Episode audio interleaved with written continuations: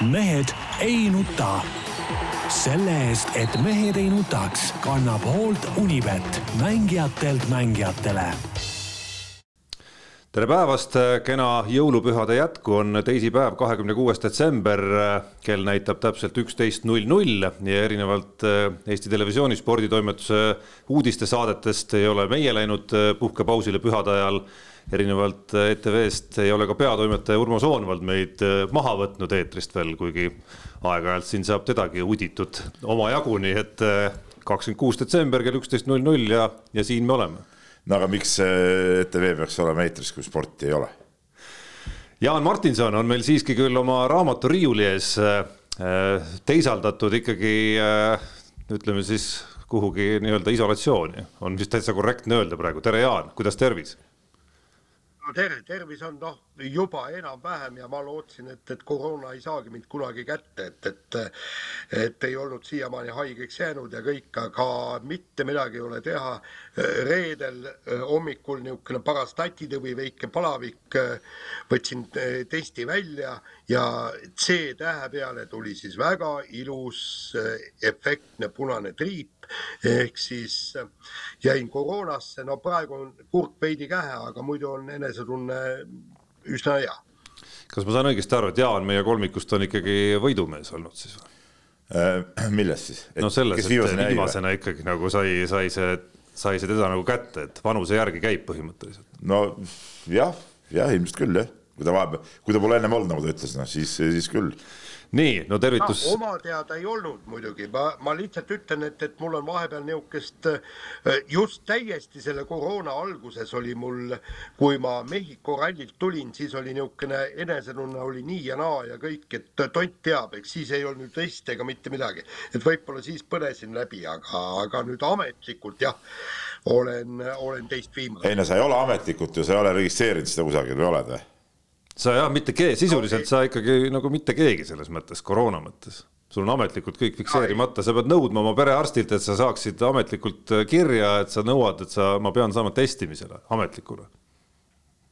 ja ei, mul on testid kõik olemas, näpujäljed kõik, ma arvan, et, et kriminalistid suudaks sealt tuvastada välja äh, kõik õiged andmed, et ma olin koroonas, millal see test on tehtud ja kõik muu säärane.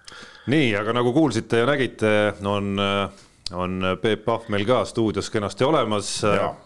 ma seda kommentaari, millega Jaan teda tervitas siin, ei hakka võib-olla kohe alustuseks siin lauale käima, jätame, jätame Jaanile selle selle voli, kui ta tahab korrata seda lauset, igatahes selline vihje oli ilmselgelt, vihje oli ilmselgelt äh, sellele, et Peep vist on pühade ajal ikkagi äh, jõululauas olnud äh, tegus. absoluutselt mitte, mul on ainult üks jõululaud on olnud, mingit erilist orgiat ei ole seekord toimunud, et täiesti, täiesti rahulikult võtame asja.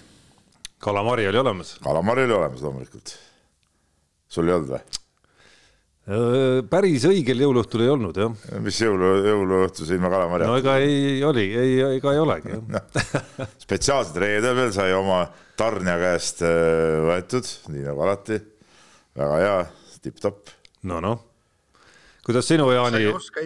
noh ma tahtsin öelda, et Peep ei oska ikka lapsi kasvatada, ma ei tea, Tarmo, kuidas sul on, aga minul, ma ei lähe mingi tarnija juurde, ma lihtsalt äh, ootan jõululaupäeva äh, ja siis lapsed toovad mulle kenasti kalamarja piisavalt palju selleks, et äh, seda süüa, süüa veel kord, siis panna sügavkülma ja siis süüa ka hiljem no üks huvitav asi, mida enne sporditeemade juurde minekut võiks veel muidugi teha, on, pilk seal Jaani selja taga on täpselt selline, et, et need, kes vaatavad meie saadet, mitte ei kuula meie saadet, võiksid kindlasti huvi tunda siin natukene selle vastu, et, et äkki Jaan teeb ühe korraliku ekskursiooni enda taga oleva raamaturiiuli juures, mis minu andmetel on küll selline võib-olla kümnendik kogu tema raamatukogust, mis, mis sinna keskturu lähedal asuvasse korterisse mahub, aga, aga põnevat kraami paistab sealt sellegipoolest juba. ütleme niimoodi, et et ma olen üritanud, äh, tähendab, põhimõtteliselt see on mul elu, elutuba ja äh, nii palju, kui ma saan siit võib-olla näidata, äh, et, et mul on kõik kõik seinad on põhimõtteliselt raamaturiiulid täis, aga seal on üks probleem, et, et, et ei mahu need raamatud kuidagi ära ja siis ma teen iga aasta või iga kahe aasta tagant teen harvendust. Et ma tahan oma raamatukogu hoida umbes niisugune nelja tuhande eksemplari kanti. Ja, ja, ja nüüd on siin vahepeal välja, kuna siin on segadus, ma rohkem teile siit ei näita, eks et, et, et. me kujutame ette, ei, me kujutame Jaan ette üsna hästi seda, ära näita, jah jah, ma olen umbes kümme banaanikasti olen juba neid äh, raamatuid äh, välja noppinud, mida tuleks nüüd ära anda, antikvariaati viia. võib-olla viis kasti tuleb veel et, et tõesti, ma jätan alles ainult need raamatud, mida ma tahaks ja mida peaks teist korda ka lugema. et, et need raamatud, mis ma ära annan ühe korra lugemiseks, suurepärased, aga teist korda vaevalt. no nimi, mis sul vähemalt vähemalt paistab sealt, kui üritada nüüd natukene sealt dešifreerida, siis nimi, mis kordub kõige rohkem seal minu arust on Stalin hetkel.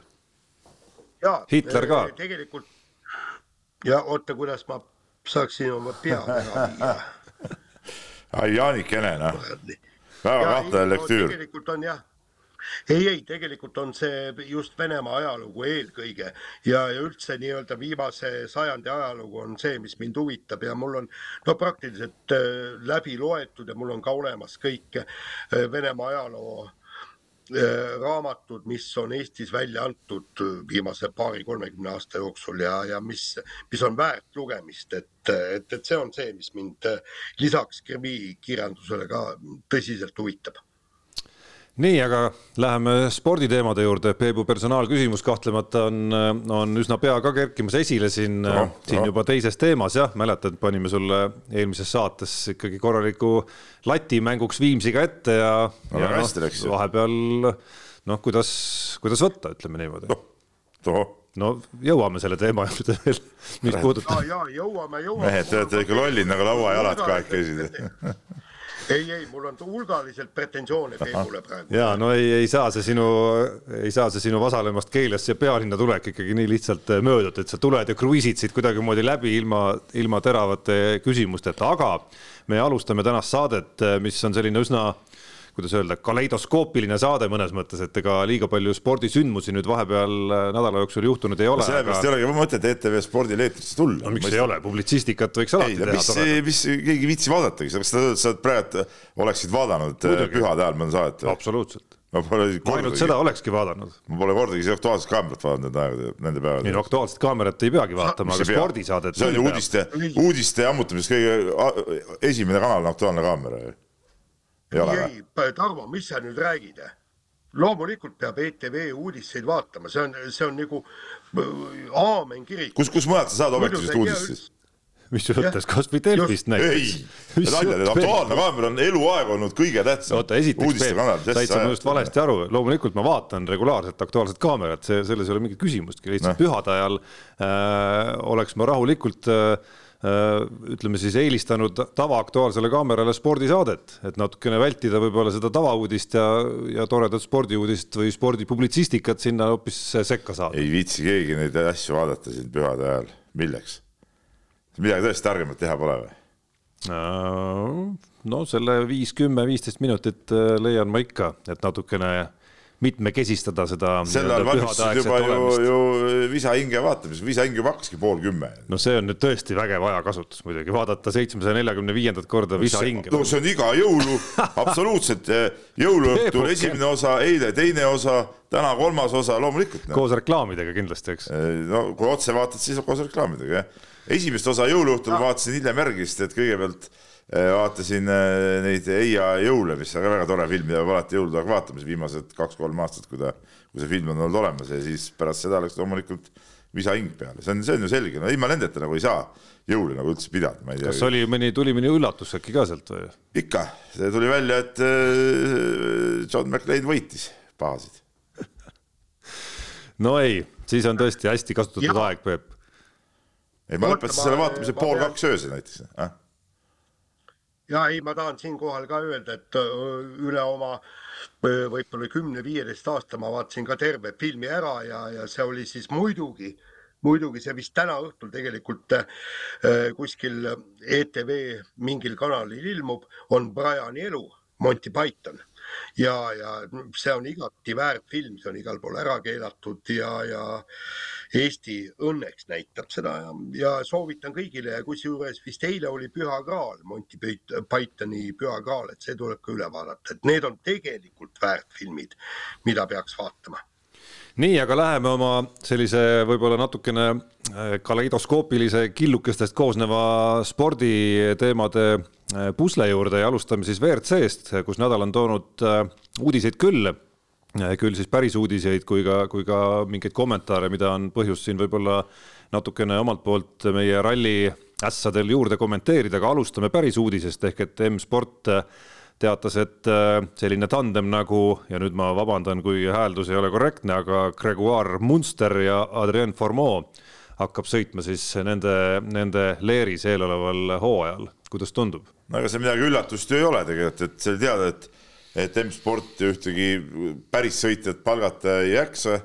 et nende see projekt on ikkagi sisuliselt äh, äriprojekt, et nüüd peale seda, kui no ütleme, eelmine hooaeg kulutasid väga palju Ott Tänaku peale ja, ja ja tema palkamise peale, siis see aasta kindlasti neil niisugust raha ei ole ja ja, ja ma, mõlemad on ju tegelikult sisuliselt kinni makstud äh, sõitjad, et Monsteri taga on ju Serderiidis, eks ole, kes, kes teda kõvasti toetab ja ja, ja Formeau peaks saama osa raha kindlasti Prantsuse alaliidust, et, et äh, sõidumehi sealt ei ole, autod saavad vaikselt läbi kulgeda.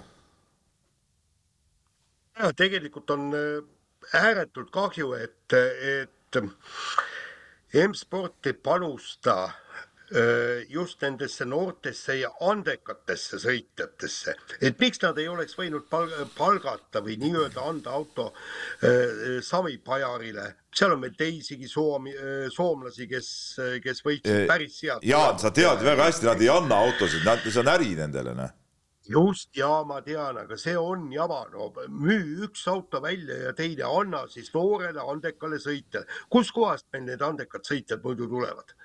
kust? Nad peavad ju saama mingisuguse kogus kogemuse Rally1 autodest kuskilt ja tegelikult on just Ford ja M-Sport eluaeg olnud ju see, kes annab nii-öelda aluse kõikidele tulevastele ässadele.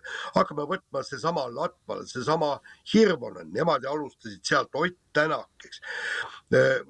Thierry Neville ju tegelikult on ka ju M-spordist läbi käinud.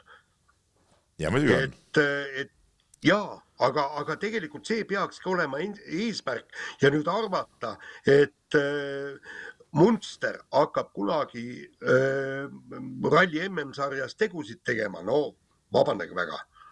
no Munsteri kohta me ei tea, ega ta ei olegi saanud ju oma võimalust veel äh, ta tegelikult võiks ju olla suhteliselt andekas äh, sõitja, aga, aga ega meil ju pole aga väga. kui sa vaatad, kui sa vaatad tema äh, Rally2 tulemusi, no mis mõttes andekas no.? andekas on äh, Solberg, jah, nõus.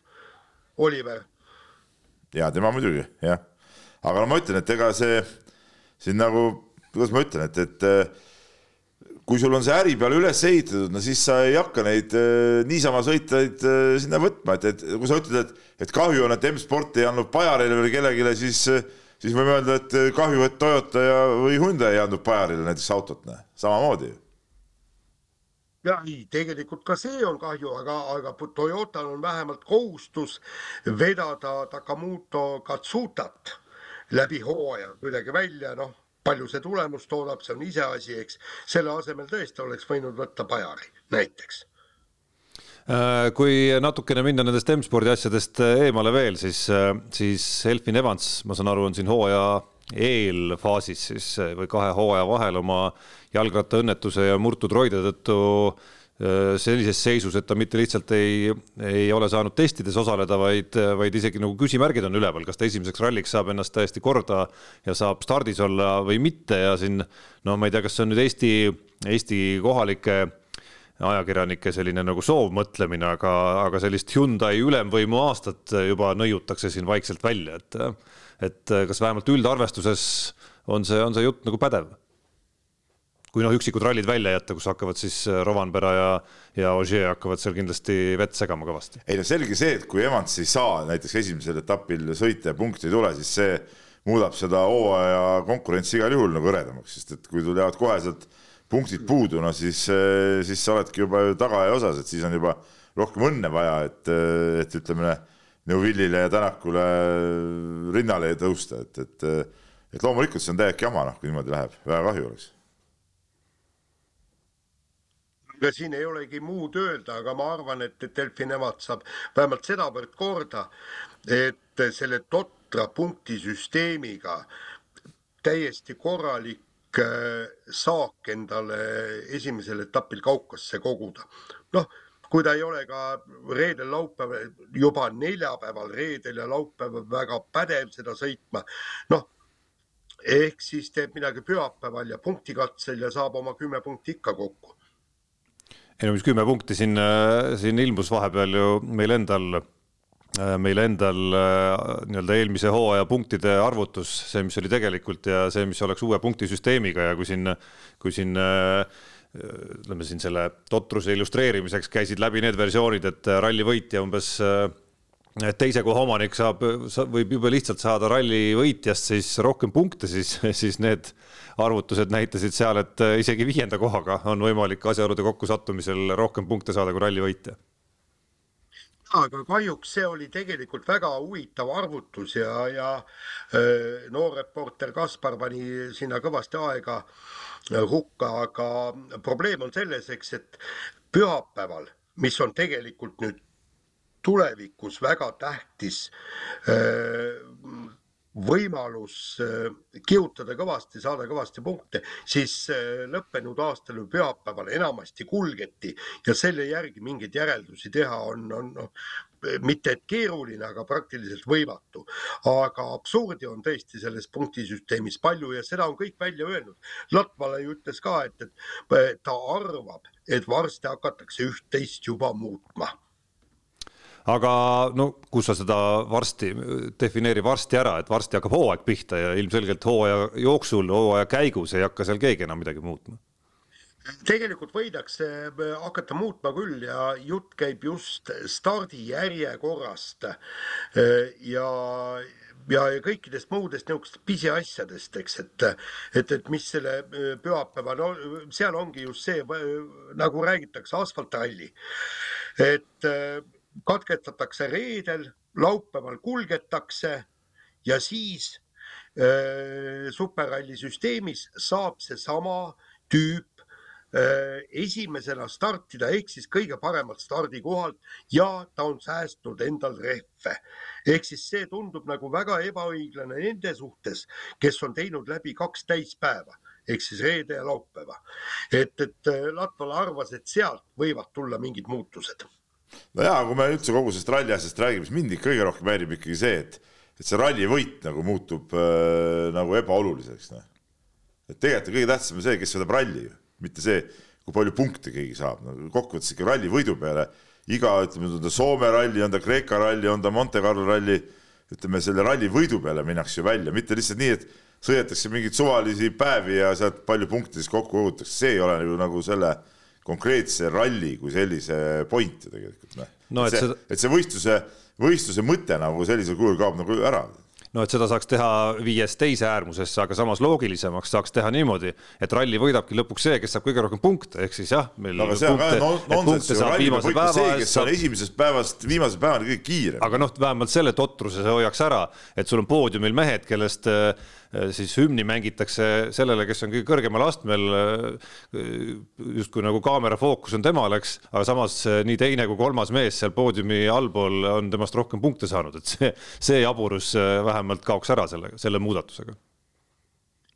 Peep, motokrossi MM-sari, kaks sõitu ja kuulutatakse nii-öelda selle etapi võitjaks see, kel tõesti on rohkem punkte kahe sõidu peale, on ju nii? Nojah, aga seal, seal koosnebki see etapp kahest sõidust, noh, mitte, ei ole, samamoodi on ju rallis, eks ole, liidetakse ajad, noh, samamoodi seal liidetakse lihtsalt punktid, sa motokrossis ei saa ju aegu liita, noh. no et sealt edasi ja, minnes, sealt edasi minnes ongi ralli on, on reedesed punktid, laupäevased punktid, pühapäevased punktid, liidame kokku ja saame no. siis võita, eks ole. see ralli nagu kaotab no praeguse, no see on sama hea, kui sa korvpallis hakkasid siis kuidagi, ma ei tea, punktid või noh, mängima veerand aega kaupa näiteks nagu võrkpalli noh, jah, mingi põnevuse, ütleme teoorias isegi mingi põnevuse see annab, eks ole, sest iga veerand aega algab. see mäng, see ei ole see mäng, aga iga, aga nii nagu ralli puhul annab see selle põnevuse, et uuel päeval keegi ei ole teisest valgusaastaga ees, vaid, vaid hakatakse nullist jälle pihta. nojah, ma ütlen, see ei ole, see on hoopis teine, teine spordiala siis ja siis see ralli ei ole ka enam see ala, vaid ta on, on mingi muu ala siis lihtsalt. Aga kuule, siit tuligi mõte, muudame korvpalli ka ümber, mängitakse neli veerand aega eks ju, kui on äh, kas kolm-null või, või, või, või siis kolm-üks äh, võidab, siis antakse võit sellele meeskonnale ja siis, kui on veerandajad viigis kaks-kaks, siis mängitakse näiteks äh, lisaaeg. noh, nagu võrkpall sisuliselt. lisaaja võidab. see kuld, kuldne game no,. nagu võrkpall ja tennis. kõige debiilsem asi võrkpallis on see kuldne game. ja tennises kiire lõppmäng näiteks no esimese korvi peale tuleb lõpuks, äh, esimese korvi peale tuleb lõpuks, kui, äh, kui on kaks-kaks seis. niimoodi mängitakse äh, lasteturniiridel, et lisaaeg on esimese korvini Peep, oled nõus või? ei, kindlasti äge. mitte, ei, loomulikult see ei ole äge nii, aga ma tulen, tulen ralli juurde tagasi ja Hyundai juurde ka veel korraks tagasi, et et kui siin äh, pilgud kõik Hyundai'le lähevad, siis Hyundai tiimiboss on andnud ka vahepeal nädala jooksul intervjuu, kus äh, on, äh, on öelnud üsna selgelt ja reljeefselt välja, et hooaega alustavad Ott Tänak ja Terrine Vill võrdses seisus, kuid ühel hetkel kavatseb ta kindlasti hakata jagama ka tiimikorraldusi. kuidas tundub? Tundub sümpaatne, selline väga selge ja, ja ütleme nagu juhile kohane seisukohavõtt ja asjade paikapanek hooaja eelses faasis ja kuidas siis Tänak ja Neville võiksid eh, emb-kumb hakata seda kõike alla neelama? ei no iseenesest on okei okay,, et öeldakse kohe ära, et mis, eh, mis ja kuidas, eks ole, et, et see on, see on täitsa, täitsa normaalne asi, aga nüüd on see küsimus, et, et huvitav, kust nad need joone tõmbavad, et kui näiteks kuskil poole hooaja peal no mehed on siukse kümne, alla kümnepunktilise vahega näiteks, et, et kas siis otsustas ka ära, kes tuleb maailmameistriks, no päris, päris keeruline tegelikult, et, et seda nagu huvitav jälgida, et kus ja millal ja millist, millistel nendel seisudel siis vahe sisse tehakse, et noh, see on nagu põnev. Ma ar-, ma arvan, et nad hakkavad mõtlema poole hooaja pealt seda juhul, kui Elfin Evansist, kes on tegelikult ainus äh, Hyundai meeste äh, vastane MM-sarja üldvõidule, et kui palju on vahe temaga? Ja, ja, ja sealt vaadatakse, kas me peame hakkama nüüd kokku mängima, et Evansist mööda saada või Evans pikemalt maha jätta või siis, kui ollakse niisugune kolmekümne, neljakümne punktiga Evansist ees, noh, siis las mehed võidavad, sõidavad võidu, vahet ei ole. et äh, me toome selle tiitli niikuinii koju. et, äh, et seda ütles nii Thierry Neville kui ka äh, Hyundai boss ju viimastel, eelmise aasta viimastel rallidel, et nad vajavad hädasti karikaid selleks, et jätkata ralli MM-sarjas. ja see on põhjus miks, miks kõike selle mängu mängitakse. Äh, kusjuures uus punktisüsteem seda ju liiga palju ei soosi ka, et võiks ju mõelda, et see niisugune klassikaline tiimikorralduse hetk on see, kus noh, viimasel päeval sa ei taha, et su enda piloodid omavahel hakkaksid siis liiga veriselt seal äh, piiri peal kihutama, aga kui viimasel päeval on veel ekstra punktid lisaks punktikatsele mängus, siis seda raskem. vastupidi, Tarmo, see annab veel rohkem võimalusi mängida ju. ei no selles mõttes. sa saad mängida ju selle laupäeva õhtuse seisuga, saad mängida pühapäevase seisuga, kõikidega saad mängida mängida. no teisest küljest on sul jällegi nagu raskem mängida selle seisuga, et, et sa ei saa nagu liiga, liiga, tähendab liiga palju punkte on veel lahtised viimasel päeval, et äh, sul võib küll tunduda, et, et äh, ma ei tea, oletame, et Neville'i ja, ja Tänaku vahe on äh, kakskümmend viis sekundit, las nad nüüd olla, fikseerime ära selle, aga samas on selle viimase päeva ja, ja punktikatse võidu peale endiselt nii palju punkte veel nagu laual, et väga ebaõiglaselt kõlaks see, et, et noh, nii oletame, et Tänak on tagapool, et kuule, võta nüüd rahulikult ja Neville las nopib ära siis nii noh, kõik punktid, mis seal saada on, või siis mõlemad võtavad gaasi maha ja kingivad need viimase päeva punktid siis äh, Toyota meestele näiteks. ei, miks nad Toyota meestele peaks kingima? sellepärast, et nad võtavad ise gaasi nii-öelda nagu poole peale. ei, ei, ei, mis see jama. et mitte omavahel võistelda. ega siis nad viimase päeva punkte sellepärast siis äh, Toyotale ei kingi, kui nad seal laupäeval öö, oma asjad paika panevad. ei, ikka kingivad, kui nad viimasel päeval mõlemad sõidavad nii-öelda poole gaasiga, siis, siis nad viimase päeva arvestuses no, saavad väiksemad punktid. no selleks, et mitte omavahel võistelda enam ei, ega see niimoodi ja, keegi ei tee, sa ajad täitsa udujuttu praegu. absoluutselt mitte. loogiline. Neile ei, vastupidi, kas sa ei saa siis aru sellest või? Neile ei ole ju tähtis see, kes rallit võidab enam, see pole enam üldse tähtis ju. nii. noh, nad teevad laupäeva õhtuse seisuga näiteks, et okei okay,, kumb seal eespool on, nii teine ei, ei ohusta teda, võtavad sealt punktid ära. Ja siis pühapäevase seisuga kes hommikupoole seal kiirem on, see jääb ettepoole ja ongi kõik, näe no ja see on lihtsalt riskantne versioon. riskivaba versioon on see, kui sa ütled vanapunktisüsteemi järgi, et nii, teil on Meil kolmas, kolmas, kolmas on nii kaugel, vanapunktisüsteemi järgi, kolmas on nii kaugel ja võtke rahulikult lihtsalt. no see on teine asi, aga praegu ei ole vanapunktisüsteemi. no seda ma räägingi, seda ma tahangi väita, et uh, uue punktisüsteemiga uh, sa oled sunnitud ikkagi lõpuni, kõik on sunnitud lõpuni pingutama. seda küll, aga sa paneme, räägin veel kord, sa paned laupäeva õhtu paika, kes võidab laupäeva ja sa paned pühapäeval näiteks pärast teist katset paika, kes selle pühapäeva. ja ei, absoluutselt nii sa saad jah, lihtsalt äh,. ei no, no nii ja naa jällegi jällegi me läheme, läheme natukene mingi detaili kallale, aga, aga ka siis on ka viimasel päeval teise katse järel on riskantne sul midagi paika panna, sest siis tuleb Evans ja purjetab mööda teist lihtsalt. no eks nad siis vaatavadki vastavalt seisule seda, ega siis nad siis ka ei saa ju panna, kui näiteks äh, laupäeva õhtul on seis enne viimast katset selline, et Tänak juhib näiteks, Evans kaotab kahe sekundiga ja Neuvill talle omakorda sekundiga, siis ei saa midagi paika panna. siis paneb iga mees, no see on loogiline. noh, nüüd ei saa ka viimasel päeval, sest vahed on nagunii väikesed teise ah, katse järel. väiksed, väikesed ei pruugi olla noh. noh, ei no igatahes äh, jura on see muidugi, aga, aga see, et äh, tiimi sees on nagu omavahel mingi selgus, kuidas asja aetakse, see on nagu väga hea minu arust. Noh.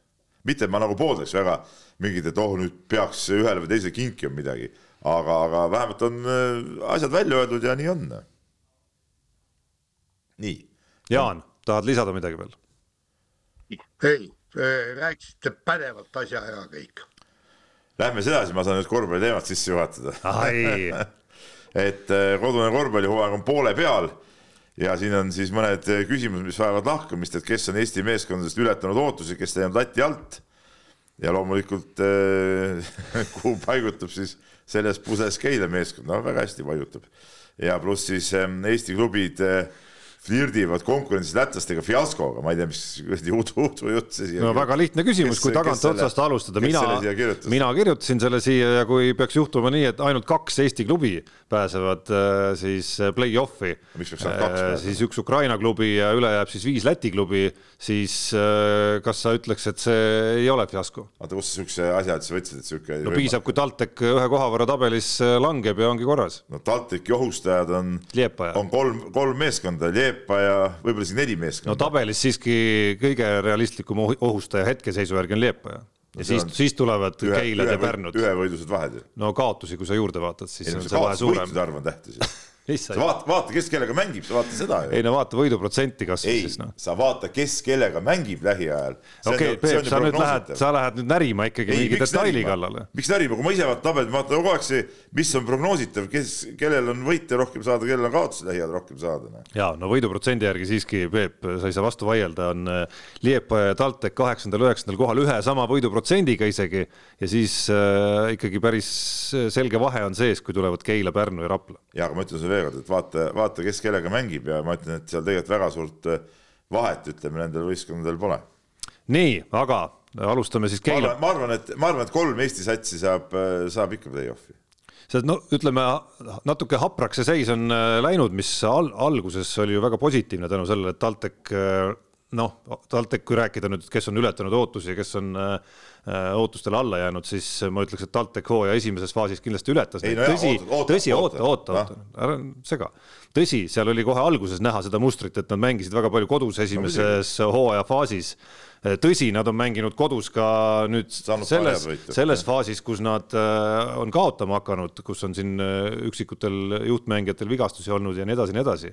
aga, ja, ja ka neid kaotusi on ka kodus sisse tulnud, nii et, nii et selgelt on läinud see hooaja teine pool neil nagu raskemaks, et, et panna neid nagu kokkuvõttes sellise noh, nii-öelda nagu selge ootuste ületaja sildi peal mina isegi ei julgeks seda teha praegu või ei paneks vähemalt. algus oli küll positiivne. ei, nad normaalselt mängida, aga jah, seesama asi, nad said küll kaks väga head võitu kodus, see VEF-i viimase sekundi viskega ja, ja, ja Ventspils ka, ütleme, need olid kaks, kaks väga head võitu, aga muidu oli ju näha, eks ole, et nad on, mängivad palju kodus ja ja, ja sealt, sealt ka need ütleme, võidud võib-olla võis nagu eeldada, et nad natuke kukuvad ära peale selle.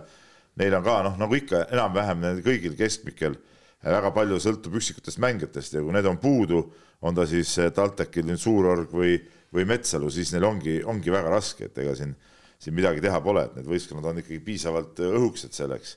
et tegelikult nad on ikkagi hästi-hästi mänginud, et, et, et ma arvan, et no kas nüüd ületanud, aga nad on ikkagi väga okeilt, väga okeilt mänginud. aga no ületajatest rääkides äh, huvitaval kombel tuleb vaadata tabeli, minu jaoks vähemalt tabeli äh, nii-öelda etteotsa ja siis, ja siis lõpuotsa, et äh, noh, Kalev Cramo kohta see kõlab imelikult, see ületamine, aga fakt on see, et nad on kolmeteistkümne võidu ühe kaotusega tabelis esimesel real hetkel okay,. jagavad esimest kohta. jagavad esimest kohta ei, nad isegi. Prometeil on ka üks kaotus.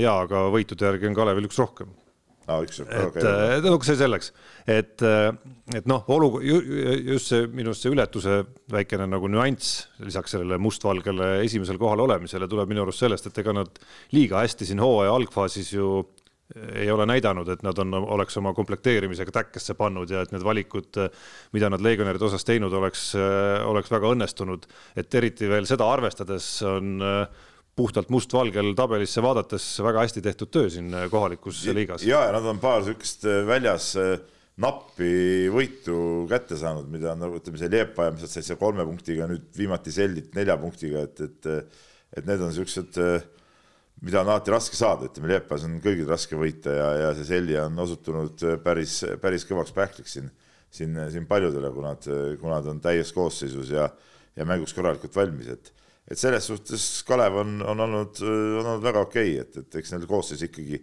koosseis on ka ju selline tegelikult ütleme, mida teistel ei ole, ütleme Eesti klubisid, kui vaadata. Ja noh, ega ei saa vist üle ega ümber teise positiivse tulijana või, või tegijana ära märkida Viimsi, kes, kes ma pakun, tähendab ise julgen käe panna südamele ja öelda, et kindlasti ma ei oleks julgenud ennustada, et neil on viis võitu jõuludeks turniiritabelis koos jah, nad ei mängi sama koosseisuga päris, sinna on tulnud äh, jõudu natukene juurde, aga tõsi, nad on jäänud ka äh, mitmest mängijast ilma siin äh, hooaja esimeses faasis, et Ron Laanemaa langes seal ju päris varakult juba ja nüüd on Reinart väljas vigastusega, nii et on neil ka oma muresid olnud, et selgelt on see, see Aldo Lipsu juhendatav meeskond noh nii-öelda saanud ennast nagu käima, leidnud mingisuguse kindluse, noored mängivad paremini, kui, kui nii mõnigi oleks oodanud neist. Ja ja kui siin Stefan Vaksist on palju juttu olnud, siis see oli mängija, kellest äh, ma ootasin küll, et, et äh, võiks põnev olla teda jälgida, kuna ma suvel Euroopa meistrivõistluste U kaheksateist äh, turniiril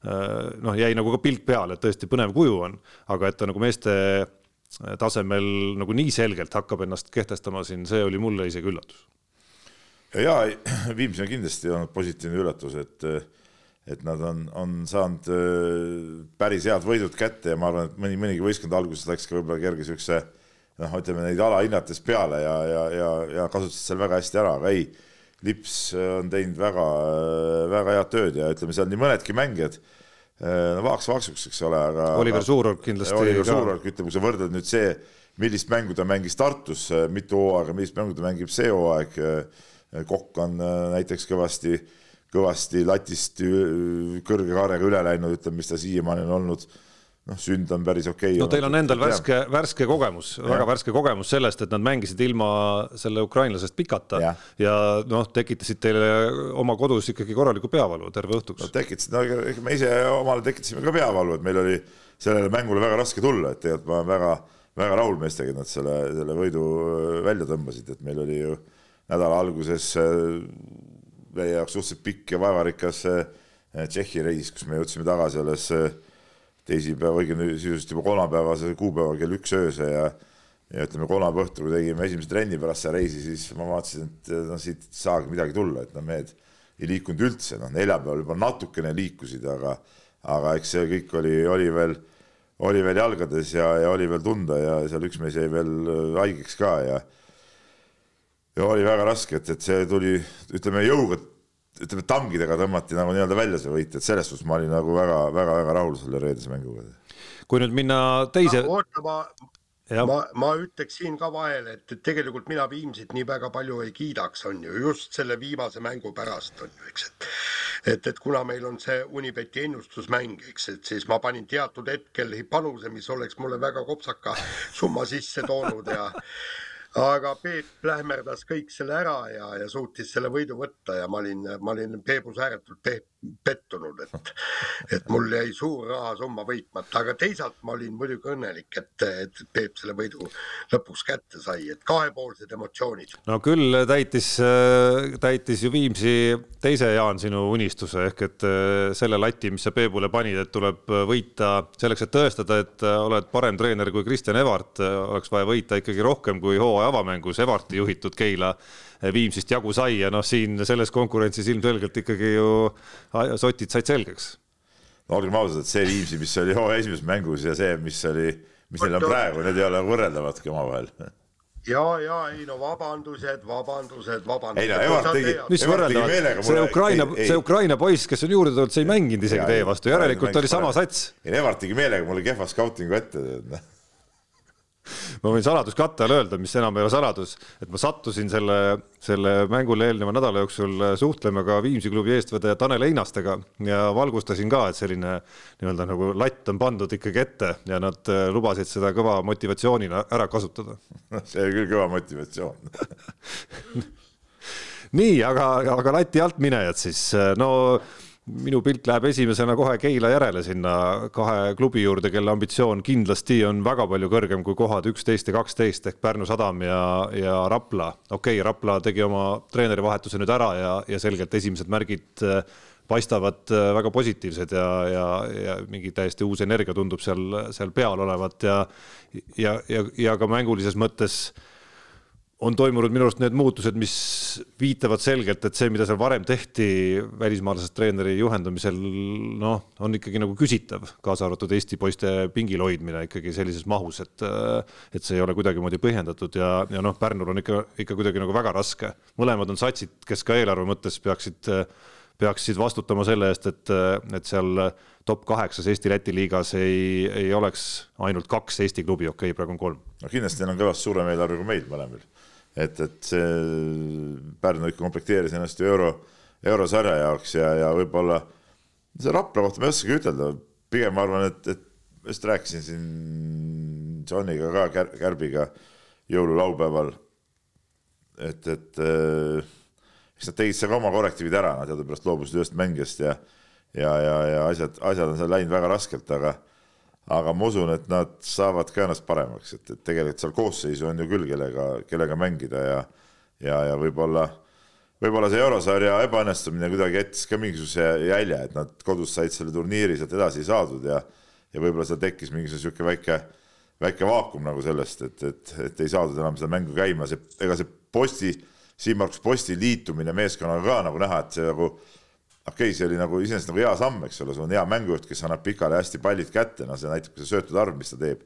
aga näiteks Harti mängu see mõjutas päris kõvasti, Sverre Aava mängu ka. et, et ega see niisugune kokkusobitamine ei ole nagu lihtne, et, et et kui tuleb mingi uus, uus, uus kuju sinna võistkonda. eriti veel selline, kes, kelle käes on pall väga palju. kelle käes on pall, jah.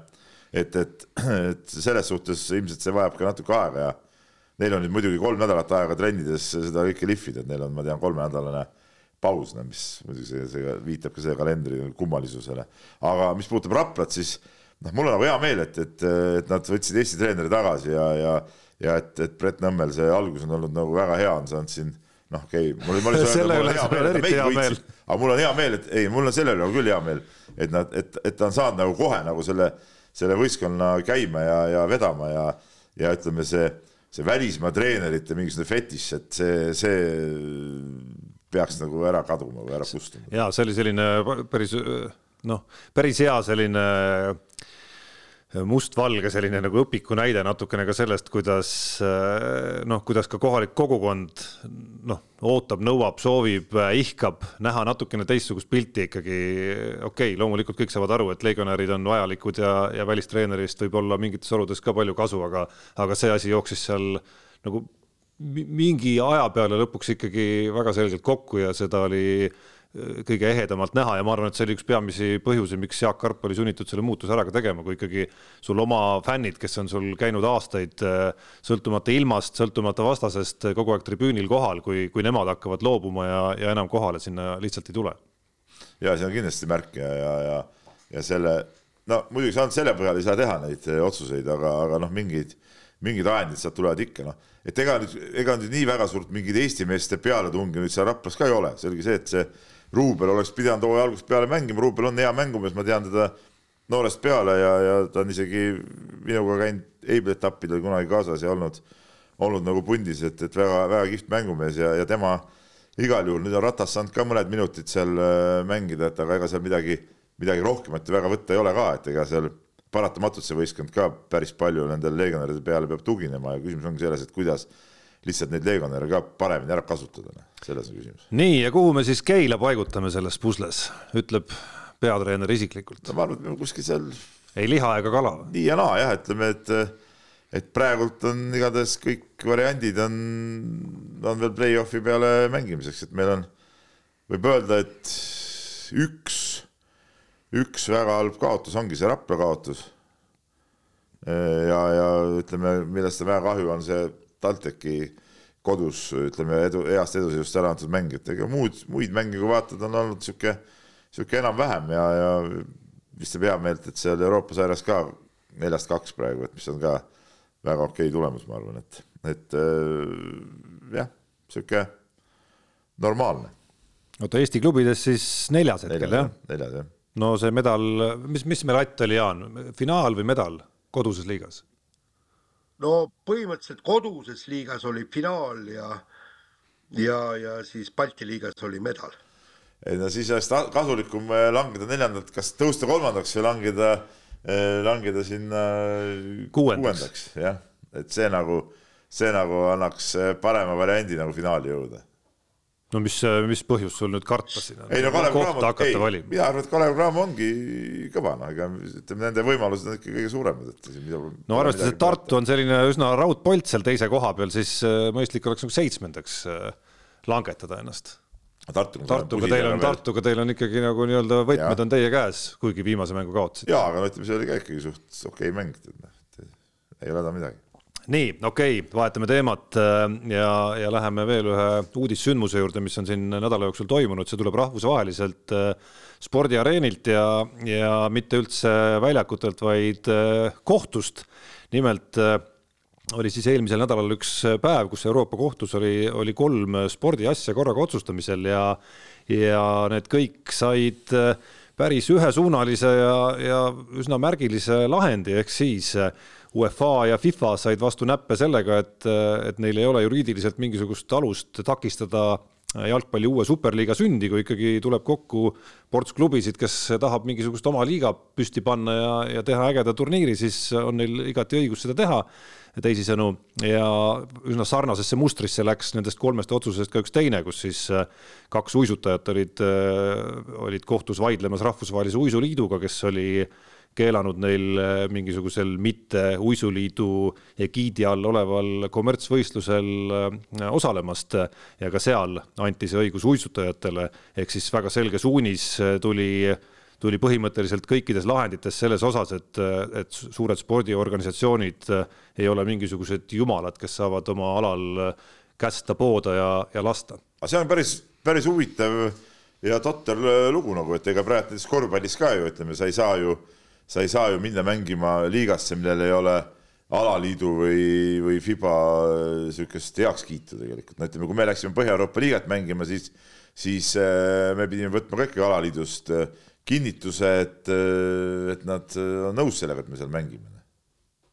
jaa, aga noh, seal no. ei ole ka seda tüliõuna kuidagimoodi nagu üleval. nagu nad poleks andnud seda kinnitust mis siis oleks saanud? no siis oleks äh, tekkinud äh, samasugune vaidlus ja vaadates, okei okay,, detailid on erinevad ja vaadates äh, vaadates, kuhu need lahendid kisuvad minema või on läinud, siis oleks kohus ilmselt öelnud Fibale, et sul ei ole mingit õigust sinna mingit litsentsi andmata jätta no ja. ma teen mustvalgeks ja, ja võrdlen praegu, võrdlen praegu asju, kus on kindlasti detaile natukene rohkem, aga suund oli põhimõtteliselt selles suunas, et ei ole, ei oleks Kossu liidul siin kohalikus, äh, näiteks äh, kohalikus ruumis mingisugust voli hakata takistama, kui ma ei tea, Keila, Rapla ja Pärnu tahavad mingisuguse oma, äh, mis ta siis on, maakonna mingisuguse superliiga kuskil püsti panna näiteks ilma korvpalliliidult midagi küsimata ja ei ole siin võimalik mingite litsentside pidurdamisega mitte millegagi seda takistama hakata. näiteks kas, mini, midi, tuues seda mini, minitasemele. kas see on nagu õige või kas siis see,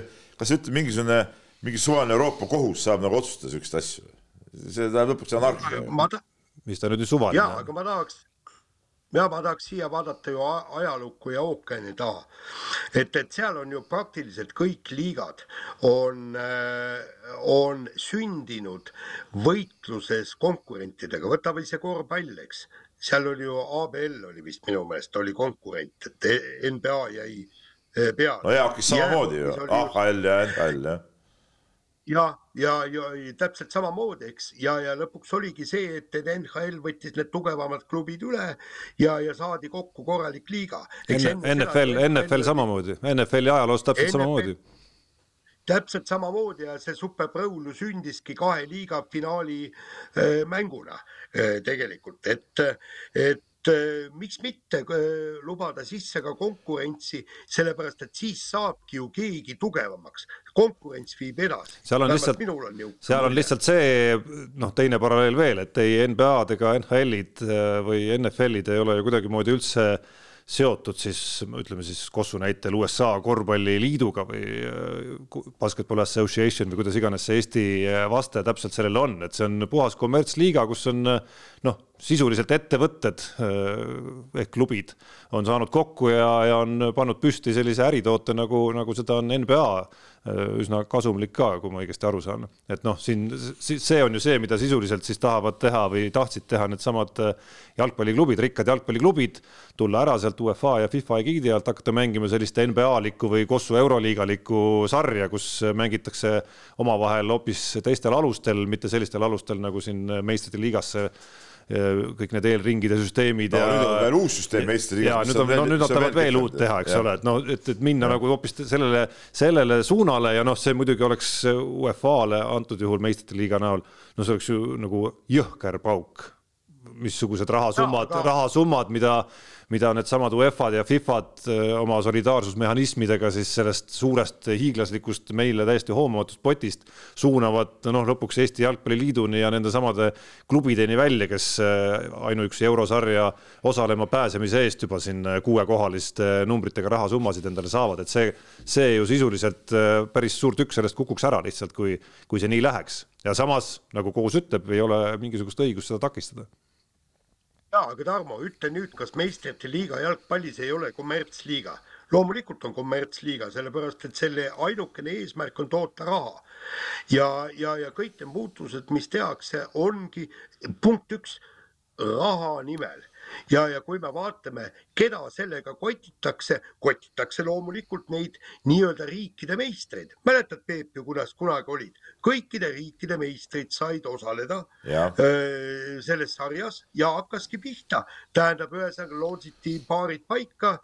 kogu aeg oli loos, seal ei olnud isegi mingit paigutust ei olnud minu arust.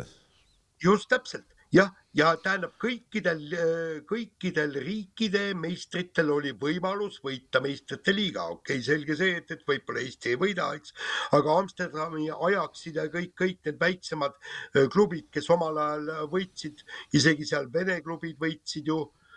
Vene klubid võitsid karikavõitjate karikasarja, Kiievi Dünamo ja ja Tbilisi Dünamo, ütleme Vene, vaid Nõukogude Liidu klubid. no täna ma pean äh, sekkuma siiski, on samamoodi see võimalus kõikidel meistritel veel olemas, lihtsalt peavad mõne sammu ja mõne eelringi natukene rohkem mängima, mis on ikka noh, võrreldes siis NBA-de või Euroliigadega on see ikkagi äh, hoopis teine maailm. Oota, Tarmo, tee mulle nüüd selgeks, et mikspärast pääseb Inglismaalt äh, mängima meistrite liigasse neli klubi? Ehk siis kolm nendest, kes ei ole meistrid, see ei ole meistrite liiga ja ei pääse sinna alagrupi turniirile Eesti meister, kes on meister no,. tee mulle selgeks. sa saad, saad ju väga hästi aru, et, et liiga atraktiivsuse vahe on ju meeletu suures plaanis, et kes, kes see tahab neid, ma ei tea, Manchester City ja FC Flora mänge vaadata. aga, aga nimi on meistrite liiga, eks sa tahad meistrid osaleda. noh nimi võib ju olla, aga, aga praktilises ja, mõttes, praktilises mõttes on see kõik ju tohutult loogiline siiski. ja noh, superliiga on siis see, mis tahaks viia seda, seda asja siis noh, NBA ja, ja Euroliiga stiili sammu edasi veel no jaa, aga seal ongi puhtalt, eks meistrite liiga, nagu me kõik saame aru, on kommertsliiga, miks ei oleks võimalik sinna kõrvale luua teist kommertsliigat ja siis vaatame, kumb on tugevam ja kumb peale jääb. ja kui me toome selle uisutajate case'i selles mõttes on ka absurdne, tähendab, uisutajad ehk siis sportlased tahavad loomulikult teenida kõik ka raha. Ja kui neile pakutakse nii-öelda kommertsvõistluselt suuremat rahapotti, miks nad peaksid siis selle nii-öelda, mis on isu. kuidas, isu, jah, miks nad peaksid isuvõistlustel osalema, kui seal võib-olla nad saaksid preemiale kuus tuhat dollarit, aga kommertsvõistlusel kuuskümmend tuhat. noh see on ju täpselt selle ja kuidas saab isu seda keelata, et äh, keelab mul võimalust teenida raha? Noh, see teatud äärmusesse on see viidud siis ju, Jaan, nagu sa väga hästi tead, golfimaailmas, kus siis äh, noh, kus, kus tahaks öelda, et äh, seal PGA Touril osalevad golfimehed, eriti tippmehed, noh, ei ole just vaesed sellid, et isegi kui sa aastate jooksul ühtegi võistlust ei võida, siis, siis mõned miljonid ikkagi nagu kogunevad, aga see, mida siis äh, Äh, nii-öelda naftašeikide rahaga äh, on, ütleme, toime pandud siis golfimaailmas selle uue sarja Live Golfi tulekuga, noh, see on siis selline, kus sisuliselt ka tippmeeste teenistusele on üks null keerutatud juurde sinna lihtsalt ja, ja nii on neid juba riburada pidi päris kõvasti läinud siis äh, sinna konkureerivasse sarja, nii et kogu golfimaailmas on, on üks suur kaos lihtsalt praegu ehk siis äh, ja, sellist aga... turniiri, sellist turniiri või sellist võistlust äh, vist, vist ongi majorid jäänud ainult äh, ainsate võistlustena ja, ja Ryder Cup, kus sa näed kõiki maailma paremaid mängijaid ühel võistlusel. aga lõppkok-, ja aga lõppkokkuvõttes seal ju pannaksegi paika, kumb on tugevam ja kumb, kumb jääb alles ja ma ei ole sugugi kindel, et see PGA öö, turniir osutub võitjaks. võib-olla tõesti, kui kõik kolivad sealt ära sinna liivturniirile, kus makstakse tõesti hoomamatuid meie jaoks summasid, kes see, see raam, raamile pakuti ju viissada miljonit dollarit selle eest ainult, et ta tuleks ja osaleks, on ju, oli vist see summa. jah, et, et järelikult niisugused summad on täiesti aktsepteeritavad golfis. Ja miks mitte noh. No huvitav, ma kuulan Jaani ja ma saan aru, et Jaan sisuliselt pooldab seda, et, et las siis meistrite liiga ehk UEFA ja, ja need superklubid oma liigaga las siis võitlevad ja võistlevad natukene omavahel. meile see võistlus siin kohalikule nii-öelda väikestele riikidele, kes, kes sisuliselt seal superliigas ei omaks mingisugust võimalust mitte kunagi püünele pääseda, oleks ju ilmselgelt halb no ega me seal päris meistrite käes ka püünele ei pääseks kunagi. no Tegelikult. vähemalt no., vähemalt no, tuleb klubide eelarvetesse päris arvestatav jah. panus ja Eesti jalgpalli aga, päris arvestatav panus tänu sellele, sellele, et noh, see nii-öelda nii nagu golfis on läinud ju ka jalgpallis. ärge seda golfi, me räägime spordist. ei no see, ma räägin rahasummadest praegu, on läinud ju täiesti hoomamatuks, eks, millist, millist, milliseid tulusid need ühest küljest genereerivad ja, ja teisest küljest siis vähemalt hoolitseb see UEFA või FIFA liin selle eest, et midagi sellest jõuaks ka nagu rohujuure tasemele ma ei tea, kas seal superliiga poole peal mingi selline mõte lisaks oma klubi noortesüsteemile veel, veel ka pädeks või mitte. no fakt on see, et selle võitluse võitja on juba ette teada. et loomulikult superliiga võidab selle, no siin ei ole kahtlustki, et kui parimad klubid mängivad seal, siis, siis see ongi nagu, see ongi see, mida kõik jälgivad ja, ja vaatavad, et see on, see on samasugune vahe nagu praegu sa vaatad Champions League'i ja, ja siis seda Euroopa, Euroopa liigat, noh Euroopa liiga mänge sa ei viitsi kunagi vaadata, mis sest ikka vaatad, no võib-olla finaali vaatad, kuidas sinna Äh, lõpuks see kätte jõuab, aga, aga meistrite liigat, no okei okay,, praegu meie Eestis ei näegi seda õieti, eks ole, on kuidagi ära vajunud, aga, aga tervikuna ikkagi loomulikult see superliiga kooriks kogu tähelepanu ja see meistrite liiga muutuks selle kõrval täiesti marginaalseks äh, ürituseks. nii, aga lähme edasi ja nüüd Jaan, võtame ette sinu personaalküsimuse ja, ja kõigepealt vasta niisuguse küsimuse, miks sa sihuke, sihuke mölakas oled siis, Jaan? Mis, mis mõttes? otseses mõttes nii, aga kas ma, kas ma tuletan meelde või? eelmises saates rääkisid siin sellest, kuidas sinu arust kettagolf, kettagolfi maailma, naiste maailma esinumber Kristin Tatar on Eesti naiste sportlaste seas sinu silmis siis viiendal kohal ja loomulikult ajas see selline paigutus kettagolfarid kõik tagajalgadele ja siin EM-i peakorraldaja Mattias Vutt kirjutas pika kommentaari sellest, et kuidas seda kummastab, kuidas kogenud spordiajakirjanik jõuab läbi pseudoargumentide lahenduseni, kus paigutab aasta naissportlaste valimistel Kristin Tatari kohale number viis. ajakirjanik võiks esitatavate argumentide õigsust kontrollida ning natuke aladünaamikasse süüvida, mitte niisama lahmida ning seeläbi kuulajatele kärbseid pähe ajada. no ja no see, et sa, et sa aladünaamikasse ei süüvi, no see ei ole meie jaoks nagu üllatus muidugi, aga, aga miks sa kärbseid pähe ajad, see on see praegu küsimus. Vaata, sealt hakkab juba pihta sellest äh, kirjast, eks, et äh, mind süüdistatakse selles, et, et ma ei olnud äh, faktitõene, eks, et tõin võib-olla valesid argumente, aga, aga seal kui seda tähelepanelikult saadet kuulata, siis ma pole kuskil öelnud, et äh, Kristin Tatar, äh, ma paigutaksin ta viiendale kohale. kuulake saade läbi. ma ütlesin, ma kahtlen, kas ta üldse viiendaks jääb. võib-olla on viienda-kuuenda koha vahel. keerab veel nuga siin nüüd ei, ei, aga, aga nii, nii ta täpselt oli. jah, ja, ja, ja, ja teine asi on see, et, et kas meil on siis kuskil eh, keelatud oma eh, arvamust avaldada ja, ja paraku lihtsalt ma leidsin ja, ja seal oli ka, et selgus, et ei võistlegi kolm riiki Äh, MM-il oli neid riike kokku, koguni kaheksa, seal oli ka Island, värgid, särgid kõik ja vot siin ma tõesti tunnistan süüdi, sellepärast et, et äh, no vaata olümpiale ujumises ja seal on ka need nii-öelda maailma kuskil kahesajandad riigid. see üks pidi üks ära uppuma seal, mäletad või? Erik Teil oli, kes, kes äh, hotellibasseinis õppis ujuma ja, ja võistles, eks. noh okei okay,, arvestame siis need ka kokku. see on ikka võimas mm, kus tervelt kaheksa riiki osaleb. no, no, no see on täitsa ennekuulmatu, et nii, nii, nii palju riike, jube küll. nii, Jaan, aga vaata, ma nüüd oponeerin. Eh, Eesti parimaks eh, meessportlaseks on kahel korral valitud eh, jääpurjetaja. mitu jääpurjetamise riiki tol ajal DN-klassis MM-il osales? pakun välja, et umbes kümme. no maksimum. ehk siis kaevar. ja, ja, ja ütleme Nõukogude Liit, Poola, USA ja siis võib-olla veel mõned, eks ole, jah. ja Soome, Rootsi ja, ja kes, kes seal olid. aga, aga Ain ja, Vilde ja, ja, ja Tiit Haagma on valitud ikkagi aastasportlaseks. ja, aga, aga sa tead ju väga hästi, mis põhjusel nad valiti, sellepärast et nad tulid maailmameistriks ja eestlased noil aastail väga neid MM-tiitleid ei võitnud.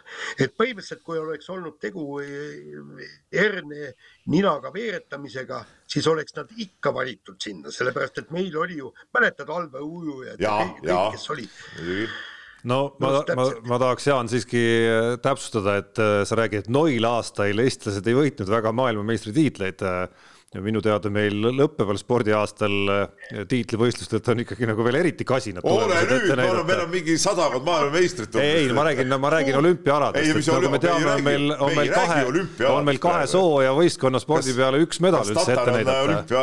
osaleb olümpiaalal. ei, ei, ma räägingi, et üks ongi ainult ette näidata. ei, no kuule noh. ole nüüd. ja, ja, ja muide teine küsimus on ju see, et miks me paneme sellesama Kristin Tatari, äh, paneme nominendiks, äh, hüüame talle hurraad ja hoosiannat. näiteks meil oli Rogainis, oli, äh, oli meespaar, kes tuli maailmameistriks ja Euroopa meistriks. Rogain on ju see orienteerumisjooks, mis on tegelikult no ööpäev kestev ja tegelikult päris raske asi, eks. Neid ei pandud isegi nominendiks, nad on maailma ja Euroopa meistrid, täpselt nagu Kristin Tatar ja osalejaid vabandage väga, riike oli seal oluliselt rohkem no väga lihtsal, ei no väga lihtsal põhjusel paneme, üks on, ühed on pakkunud ikkagi tuhandetele, kui mitte kümnetele tuhandetele eestimaalastele, kelle seas on ka no ikka uskumatult suur hulk neid, kes seda ala ise harrastavad, pakkunud lihtsalt võrreldamatult ägedamat emotsiooni, kogu lugu. aga siit on huvitav küsimus, kas Eestis on rohkem orienteerumisharrastajaid või äh, discgolfi harrastajaid? ma pakun discgolfi. ma ei tea, minu arust orienteerumisel iga päev toimuvad mingid päevakud, see on päris huvitav küsimus tegelikult, et näe nii nagu ka discgolfis toimuvad iga päev kuskil nädalamängud, et ma arvan, see võib olla päris fifty-fifty mitte, et ma ütleks, et orienteerujaid peaksime äh, valima siin äh, parimateks, aga see lihtsalt su selle äh, põhjenduse peale praegu mul tekib täiesti selline küsimus ja see mingite ametlike harrastajate numbreid vaatamine ei, ei anna tegelikult midagi. no midagi ikka annab, aga, aga. aga mina näiteks, ma käin ka discgolfi mängimas suvel võib-olla paar korda nädalas, eks ei, ole. ei no sinul on, sa paned oma ringi kirja sinna ju, mingisse süsteemi. järelikult oled sa kirjas. ei, aga mul, ma ei ole mingi litsentseeritud mängija, sa vaatad sealt ju neid ei, spordi, ole... spordiregistris on litsenseeritud mängida. aga no ütleme, tulles algse, algse küsimuse juurde tagasi, ma ütleks, et Mattiasel olid ka üsna head argumendid siiski Jaanile vastu panna, alustades sellest, et et kui sa siin mõnel äh, talialal laseksid kõik norralased peale, siis oleks ka Norra lahtiste meistrivõistlustega põhimõtteliselt tegemist. see tuleb meil siin vahemängus korraks murdmaasuusa näitel,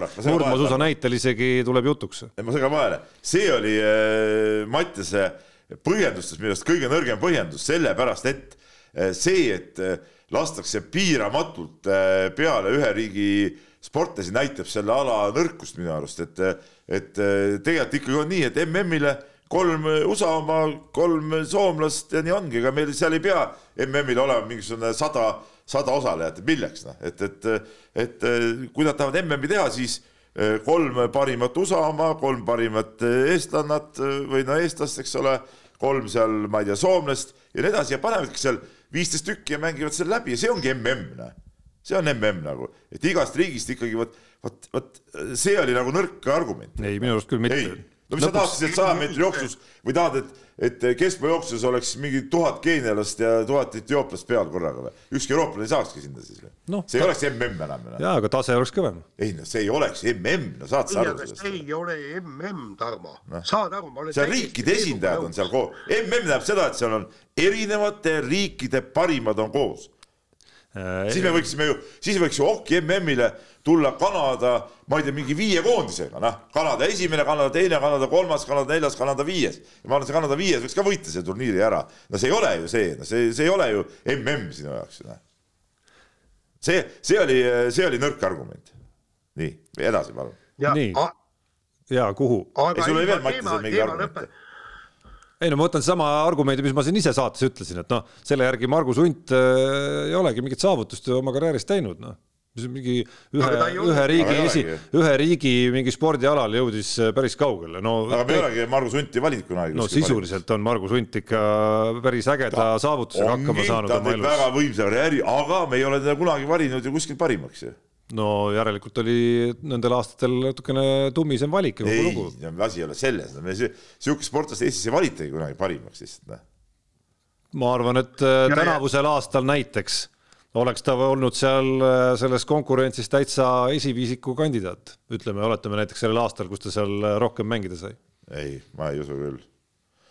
Ei, ei, ta oleks pidanud ikka oma meeskonnaga midagi tegema, aga teema lõpetuseks ma ütlen, et, et tegelikult äh, noh, asi ei ole liiga, liiga hull ja see Kristin Tatar on päris hea kettagolfi mängija ja ma panin ta oma sport, parimate sportlaste alusel ikkagi viiendaks, mitte kuuendaks. No see on, see on tore, aga siin nagu segadust on veel see parimate sportlaste valimisega ja ja, ja palju küsimusi tekitas see kergejõustiku teema, millest me siin ka eelmine saade rääkisime ja ja nüüd EOK sportlaskomisjoni esimees, siis teadupärast sportlaskomisjon pani siis selle nii-öelda nominentide nimekirja kokku. sisendi alusel. sisendi alusel jah, et, et kommenteeris, et, et äh, neid polnud siis äh, kahte kergejõustiklast sealjuures sellepärast, et eelnevalt küsiti alaliitudelt siis nende eelistusi, kui ühel alal on mitu tugevat kandidaati no ja siis selge see, et helistati Karel Tilgat, aga minu arust see on täiesti absurdne eh, näide, mis meil oleks siis, kui meil oleks eh, tilgatud maailmameistriks õiglane hõbedale ja, ja näiteks Erm pronksile, kas siis oleks ka olnud ainult, eh, ainult Erm seal valikus, kuna. tilga, tilga. või vabandust, tilga, eks ole, kuna ütleme, seal vahetusvõitluses ta oli nendest juba parem ja siis teise-kolmanda nagu sel nagu polekski mingit väärtust, et see on ju sama, sama absurdne põhjendus, et ma sellest küll nagu aru ei saanud. ja ma siin pean nõustuma. oot, oot, oot, oot, oot, oot, te, teie mälu on väga lühike. ma ei mäleta, mis aasta see oli, kui Äh, vehklemisliit pani äh, tõesti, nad, nad, nad võitsid kõike, võitsid palju ja nad panid äh, parima treeneri kandidaatideks, panid, panid kõik, eks. Kaido Kaabermaa, Helen-Nelis Laukas, selle Beljajeva treeneri, Tatjana Kotova, keegi oli veel seal ja nad hakkasid teineteise hääli sööma ja lõpuks oligi niimoodi, et anti äh, see parima treeneri auhind kellelegi kolmandale. Gretu sai, Gretu sai too aasta minu arust. jah, et, et, et see on nagu mina saan aru, äh, kergejõustik sel põhjusel, kui, kui te panete need äh, Lillemetsa ja, ja õiglase panete sinna juurde, siis on enamus kergejõustiklasi parimate meessportlaste. ja, aga mina saan aru, et kergejõustiku inimesed ei olnud selle, selle asjaga igatahes rahul, et see niimoodi välja kuulutati, et see ei olnud nagu kergejõustiklaste ütleme.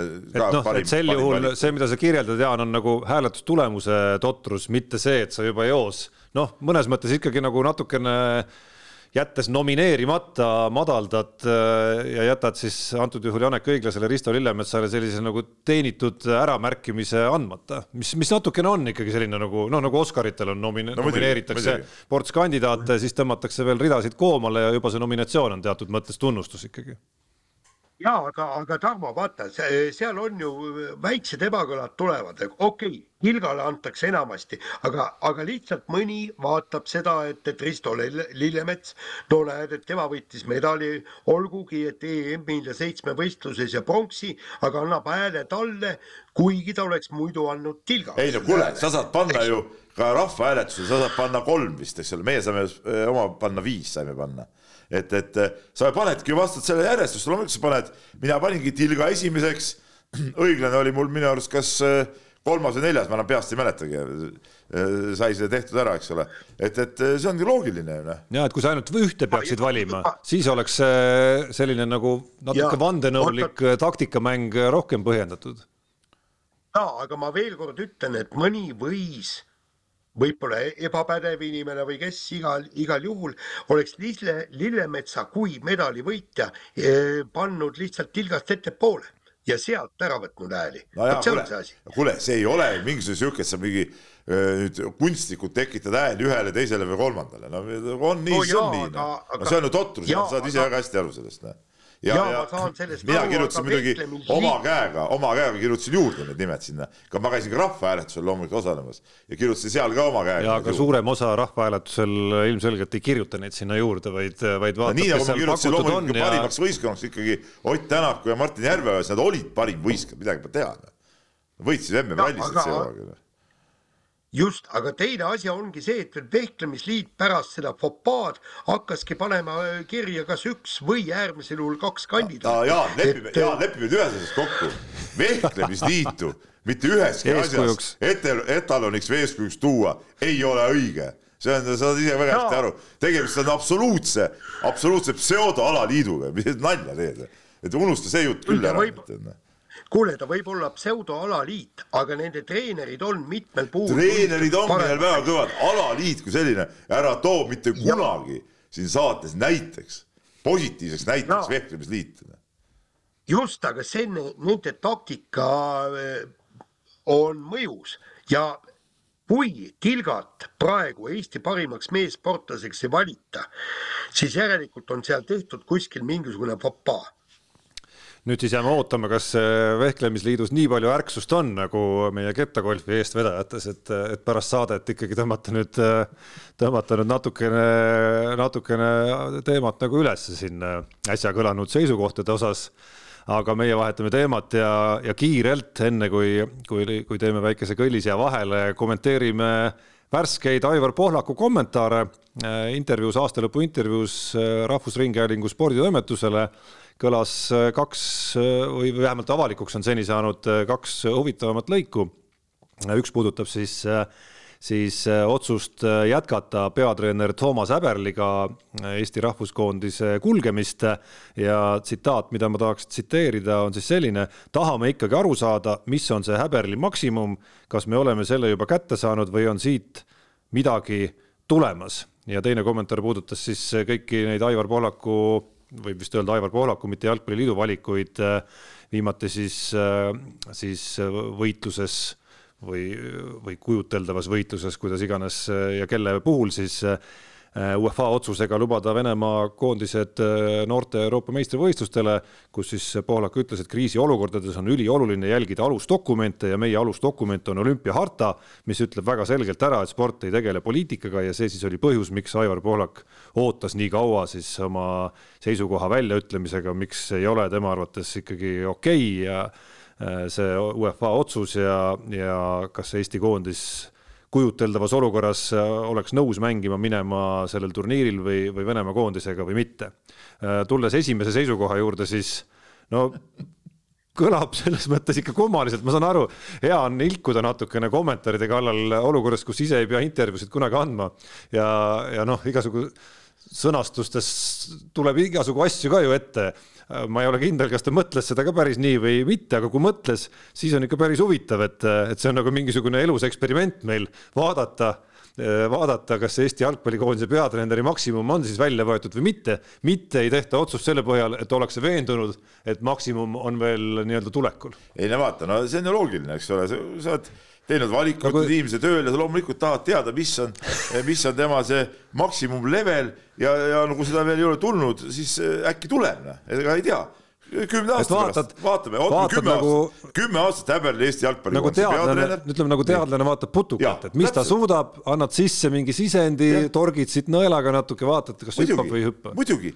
Ja, ja, ja lõpuks äh, karud pannakse ka tantsima, noh, samamoodi äh, nii kaua lihtsalt suhkrutükikesega häberlid seal, seal siis äh, ergutad, eks ole, ja võib-olla tuleb tulemus, noh, ma ütlen, mina teen ettepaneku kümme aastat palun hoiame nüüd sedasama peatreenerit ja, ja äkki tuleb. kusjuures eksperimendi korras, isegi kui ei tule, saab teha ka eksperimendi, et vaatame, kui halvaks saab minna. siis tekib veel see kümne aasta pärast küsimus, et, et me ei tea, kas me kahekümne aastaga oleksime saanud temalt selle maksimumi kätte ja siis võiks veel kümme aastat olla, juurde. kümme pluss kümme. kuule, Peep, Peep, ära ole nii tagasihoidlik. tegelikult ma mäletan ma mäletan sinu esimesi kirjanduslikke katsetusi spo, spordiajakirjanduse vallas, eks see oli, mis see oli üheksakümmend kolm, no see on kolmkümmend aastat tagasi, nii. Eesti elus. ja, ja, ja mina ja, ja mina ma võin praegu tõsiselt öelda, Peep muutub aina paremaks kogu aeg, ta ei ole siiamaani suutnud saavutada oma maksimumi. seetõttu ma pakun välja, et, et Häberli jääbki igaveseks ajaks kuni surmani Eesti koondise peatreeneriks sest, sest tegelikult kuule, Peep, vaata ise seda Madist, mis ta oli kakskümmend aastat tagasi, kui ta tuli. täielik naljavend, saatis mulle CV äh, sinna Postimehesse äh,. ma, mul otsin suvereporti CV ja siis vaatan, üks mees pildiga CV saatud, kohe läks kõrvale. ma ütlesin, kurat, see siis mees saadab CV pildiga kõrvale sahtlisse, aga siis. oota, mis see, see, mis loogika see nüüd oli siis? kuule, no mis see on tõsiseltvõetav mees, nii, aga siis eh, ma ei tea, seal midagi ei saanud kedagi, tuli uuesti see CV mul lauale, mõtlesin, no okei okay,, vaata, mis mees on, tuli täitsa tipp-topp mees, eks ole, tead noh mis ta selle pildi sinna pani, see on siiamaani arusaamatu, aga muidu on tore mees, tead noh. ja näed, ja kogu aeg areneb, kogu aeg areneb, eks ole, tead noh, nii on. ja, ja, ja ma. alguses mitte midagi aru ei saanud mees, mitte midagi mees aru ei saanud alguses, aga nüüd läheb aina paremaks, tead noh ja, ja minu meelest tema kõige parimad lood, ehk siis kui ta saavutab oma tipptaseme, kust enam paremaks minna ei saa, see on umbes kahekümne, kahekümne viie aasta pärast. jah, isegi oled optimistlik võib-olla, vaadates tema arengukiirust, siis võib-olla isegi sa võib veel minna kümmekond aastat rohkem siit mul, siit, siit tekib muidugi kiusatus küsida, et, et kuidas, kuidas asetada selline nagu eksperimenteerimis ja niisugune teadlase pilguga asja vaatamine nüüd Peebu kui korvpallitreeneri ütleme eelseisvatesse aastakümnetesse. ei, ma kavatsengi aastakümneid ikka, loomulikult, aga mis on siis? ei, väga okei okay., seda, seda eksperimenti, seda eksperimenti minu arust äh, ei jälgi mitte ainult äh, sa ise seesmiselt ja analüüsi väga põnevusega, vaid, vaid noh, terve korvpalliilm põhimõtteliselt no,. absoluutselt. mina küll nii ongi. maksimum pole käes ju noh kindlasti mitte. Nii, aga olümpiaharta on meil ka siis ikkagi vägev, vägev, vägev dokument ja see no mind muidugi kõige rohkem alati natuke, kuidas öelda isegi, no tegelikult käib närvidele isegi see lause, sport ei tegele poliitikaga, et, et kui käib sõda, mis, mis, see ei ole mingi poliitika, inimesed surevad. see on katastroof ja me räägime mingisugusest poliitikast. olümpiaharta. ei no ma ei saa nüüd aru, tähendab, ühesõnaga jalgpall, keda see olümpiamängud väga mitte et väga, et absoluutselt ei koti ju tegelikult. saadavad sinna mingi U kakskümmend kolm satsi on ju, siis pikitakse sinna paar tugevamat jalgpallurit ka sisse. no nad lihtsalt on seal sellepärast, et nad võiksid seal kuskil. ei, sellepärast, et neil olümpiahartat järgida saaks, no see ongi nagu point. ja, ja, ja. ebamugav olukorras saaks hartat jälgida ja ei, aga täpselt, et ühesõnaga äh, nagu ma saan aru, kui Venemaa kunagi kahetsusväärsel hetkel tungib Eestile kallale siis jalgpalliliit võtab kätte olümpiaharta ja vaatab, et mis sel juhul eh, teha tuleb. kas korraldada, nagu mäletad, Peep, no sa ei mäleta muidugi, neljakümnendal korraldati ju nagu see, sa mäletad. no tal on need raamatud seal taga vähemalt. ei, ei, seal oli ju see Leningradi Spartaki ja, ja mingi Tallinna e-, Eesti jalgpallikoondise matš kohe pärast seda Vene vägede sissetungi, aga, aga sealt ikka vaadatakse olümpiahartast üle, et, et kas niisugune matš on kohane, kas peab öö, toimuma, võiks toimuda ja nii kaua, ja, ja nii kaua, nii kaua hoitakse seda olümpiahartat käes, kuni, kuni siis ütleme, kuni sponsorid ei tule ja ei ütle, et me võtame teil autod ära kui te seisukohta ei võta. seni on ikkagi olümpiaharta. kurat, seal meil ei ole, oi vabandust, meil ei ole mingit sponsoreid enam, siis ma arvan, kui seis, seis. no see oli meenutus äh, viimasest olukorrast, et siis olümpiaharta ikkagi äh, ei olnud enam nii tähtis. kuule, no autoga on vaja sõita ju, see on nagu selge. Et, et seal ei, ei, ei, ei istu, istu kodus ukse tagant harta peale ja siis äh, vurised sellega kuskile ei tea kuhu, tead Saaremaale sinna oma sinna maakottu, eks ole. ei saa, autot on vaja.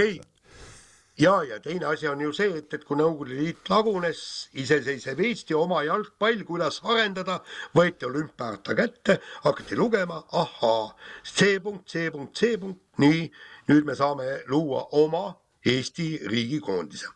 Ja vaata, nüüd mul tuli praegu meelde see, vaata see arengut, sest kogu aeg põhjendame, et meil ju ainult kolmkümmend pluss aastat oleme siin oma jalgpalli ja see ongi pikk protsess, see, see areng, vaata sellepärast see häberliiga ka läheb nii kaua aega, noh. samamoodi, noh ja samamoodi ütles ka seda, aga alles õpime alles hartat tundma, noh. see ei käi ka nii kiiresti, tead noh. me oleme ainult kolmkümmend pluss aastat ju iseseisvat jalgpalli ajanud, me ei teagi, mis otsused peab vastu võtma üldse. nii, nüüd kisub liiga sügavaks ära, laseme kõlli. Aga jääme jalgpalli juurde, meil oli siin eile õhtul, kui me kirja teel natuke suhtlesime omavahel, tõsine mure selles osas, kuidas saate teemadega on kitsas Pagan, käes. meil on praegu saates lõppema juba, me pole poole pealegi jõudnud. ja nüüd me näeme, kuidas taaskord on rekord sündimas. nii, kiire vahemäng. teeme hästi kiirelt. jääme jalgpalli juurde. FC Flora endine peatreener Jürgen Henn rääkis intervjuus Kalev Kruusile, kuidas äh, suur puhastus tehakse nüüd Floras ja, ja see, kuidas see hooaeg lõppes, kuigi tiitlivõit oli äh, ei jätnud ega andnud tegelikult sellele tiitlivõidu meeskonnale kellelegi head tunnet, kuni sellise segasevõitu hooaja lõpu õhtusöögini välja, kus ma saan aru, et äh, suur boss number üks oli puudu ja, ja vist boss number kaks jäi hiljaks sinna. aga mida olümpiaharta selle kohta mul on küsimus. Sina, sa peaks teadma küll ju kas sul peaks olümpiaharta peas olema, sa oled meie olümpiarekordi internatsionaal. Nojah, aga nii peas ta ikkagi ei ole, aga tegelikult on lihtsalt mul on tunne, et et see Flora seltskond ei tea, kuidas väärikalt käituda ja kuidas jalgpalluritele, kes neile tiitleid toovad, tänu avaldada ja kuidas nendega käituda. see, see on noh, kohati kahetsusväärne. no kaasa arvatud peatreenerile, eks ole, et, ega no, lihtsalt, lihtsalt taheti see see muudatus ära teha ja tehti ära ja ega seal millegi muu peale väga ei, ei mõteldudki. nii on. Nii, aga lähme, lähme edasi ja Jaan, ma usun, et, et kahe tuhande kahekümne viiendal aastal oled sina just see mees, kes Delfisse teeb eh, pikki reportaaže eh, siis Tallinnas toimuvast discgolfi suurturniirist, mis on siis eh, iga aasta üks neljast suurturniirist, mis, mis seekord siis tuleb Tallinnasse. kõva sõna või? Ja ei, ma kindlasti, ma olen valmis tegema, vaata tead, ma olen eh, nii vana mees, et, et ma olen teinud vist, eh, ma pakun välja, et, et pealt viiekümnest erinevast spordialast teinud eh, reportaaže ja teha üks kettagolfist reportaaž, see ei ole ka mingisugune probleem, et ma olen ka noh, mitte nii vägevatest aladest teinud reportaaže ja, ja asi see on, et seal ei ole mingit probleemi, võta ketas, viska korvi ja ongi, ongi asi korras. aga, aga asjast endast rääkides äh, ikkagi ma arvan, et korraldajate eest tuleb või, või Eesti discgolfi nii-öelda no kuidas ma ütlen, eestvedajate ees ja, ja, ja nende ees, kes on siin seda asja suuremaks üritanud ajada, tuleb ikkagi müts maha võtta, et et olles natuke nendega, nendega suhelnud ka siin sellesama turniiri koostöö osas ja nii edasi, siis siis äh, ma saan aru, et, äh, et see on olnud nagu helesini unistus natukene saada see üks neljast suurturniirist, no kust võib paralleele tuua nagu et no mida see tähendab siis, äh, et jah, mastaabid ei ole samad, mis tennise majorite puhul või, või golfi puhul, aga, aga nii-öelda suurem ala, ütleme siis sihuke noh, jõudude vahekord on sarnane, kus on neli suurt turniiri siis, mille, mille ümber kogu see, kogu see maailm käib ja, ja, ja ajalooliselt on siis olnud niimoodi, et kolm äh, sellest neljast turniirist toimuvad USA-s ja üks on siis äh, Soomes väga pikka aega olnud. ja nii palju, kui mina aru sain, siis, siis selle eelmise suve eduka Euroopa meistrivõistluste korralduse pealt taheti siis ehitada asja üles niimoodi, et ühel hetkel minna soomlastega konkureerima siis, et äkki õnnestuks ühel aastal kasvõi alustuseks napsata neilt see, neilt see ära ja lõppkokkuvõttes kiiremini, kui nad ise oleks osanud arvata, õnnestus hoopis äh, Soome kõrval saada teiseks Euroopa kohaks, kus see kus see turniir toimub ja, ja täitsa äge on vaadata, nad noh, seal on WRC ja Rally Estonia korraldajad ka neil täiesti nõuandjate rollis olemas ja, ja kas üks isegi ei ole mitte seal juba täitsa, täitsa pundis kaasas, et sellist suurelt mõtlemist on, on igal juhul äge kõrvalt vaadata, ükskõik kas disc golf ise läheb korda või mitte olgu see ala milline tahes, kui publik tahab seda näha ja need meeletud massid tuuakse sinna taaskord lauluväljakule diskgolfi vaatama, siis kindlasti tuleb see turniir meile tuua. See on täpselt nii nagu ralliga, see tundus helesinine unistus, et me saame ralli MM-etappi, lõpuks saime. Ja, ja me, me oleme rallihull rahvas, kuigi ka ralli ei ole maailma mõistes teab mis top sport. Ja täpselt sama on kettegolfiga ka, kui publik tahab ketta golfi näha, taeva pärast, anname neile selle võimaluse. Hüppame võrkpalli juurde, Eesti naiste võrkpallikoondise peatreener Alessandro Refice on, on pettunud, väljendas seda ühes Võrkpalliliidu intervjuus, et, et osa tema naiste koondislastest Euroopa meistrivõistluste järel otsustas välisklubidest tulla koju tagasi. No,. raskelt, raskelt läheb see, kuidas öelda, naiste profi taseme nii-öelda kehtestamine siin Eesti naistel? no täitsa õigustatud pettumus tegelikult, sest et olgem ausad, äh, äh, minna Eesti, äh, see on küll Eesti-Läti või Balti liiga, eks ole, minna selle pealt nüüd mängima kuldliigasse, väga raske, ütleme noh, ma näen ise ka, mul võistkonna füsio mängib ka võrkpalli ja, ja mängib esiliigas ja mängib seal meistriliigas mõlemis, et, et noh, kui niimoodi äh, no see on ikka poolamatöörlik asi, noh, see ei ole nagu, nagu päris profisport kahjuks, et, et kui, kui oleks nüüd niimoodi olnud, et need naised kõik tulevad siia koju ja ja ütleme, siin see töö oleks sama professionaalne kui kuskil välisklubis ja nad saaks sellest ka mingit palka, hakkame sellest pihta, eks ole, siis, siis miks ka mitte, noh. et meil oleks oma korralik liiga ja, ja, ja pahutaks siin kõvasti, aga aga kõik nad teevad ju seda amatöörluse korras mingi muu töö kõrvalt ja ja, ja see päris, päris see ikkagi ei ole, et, et selles suhtes on kahju, et mitmed naised jah kes ütleme, vanuse poolest kindlasti oleks võinud veel välismaal mängida, on, on koju tulnud. tegelikult minul tekib siin küsimus, et mikspärast nad tulevad koju? see on, see on ju põhiküsimus äh, ma... et halb on, et tulevad, aga miks? no ma julgeks äh, pakkuda esimese variandina välja ikkagi selles, selle, et, äh, et ja, ja ma arvan, et see ei ole ainult naiste võrkpalli probleem, et see noh, ütleme siis see ahvatlus seal välismaal või, või see noh, ütleme, räägime lihtsas otsekeeles, seesama palk kasvõi, mida sa saad seal välisklubis mängides, ei ole lihtsalt nii ahvatlev, et, et sellele, sellele teele ja sellele reele minna, et natukene sarnane paralleel, mis ütleme, võtad näiteks mängimine Kossu Eesti-Läti liiga satsis versus esiliiga satsis ja, ja ühel hetkel teed sa ikkagi nagu valiku, kas sa, kas sa oled valmis sellises mahus treenima, sellises mahus käima siin Läti ja Eesti linnade vahel kui see palk näiteks on, ma ei tea, tuhat eurot äh, veel vähem, natukene rohkem, et, et kas selle palga juures on see, on see mõistlik elu korraldamine või pead, peaksid hakkama mõtlema ikkagi juba sellistele muudele variantidele seal. Ja ma arvan, et see on päris kaalukas äh, otsustamise koht nii paljudel, väga paljudel naistel, naiste spordis üldse, kui sa ei ole just äh, selge sihiga ja selge potentsiaaliga jõuda päris siis Euroopa tippklubidesse näiteks välja, et kui sa mängid seal madalamates liigades või, või äh, suurte võrkpallimaade näiteks äh, teises-kolmandas liigas, noh siis kui see palgasumma on näiteks alla Eesti keskmise, et, et ma arvan, et see motivatsioon kaob ikkagi pikapeale ära lihtsalt olla ära Eestist ja näha, et, et see potentsiaal sealt kerkida ka ei ole liiga suur.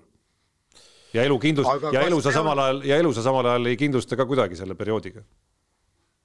aga kas see on siis puhtalt enesepotentsiaali reaalne tajumine või, sest alati spordis saab ju paremaks saada ükstapuha, kuhu sa tööle lähed, lähed ajakirjanikuna ka tööle, sa ei saa ju kohe tipppalka.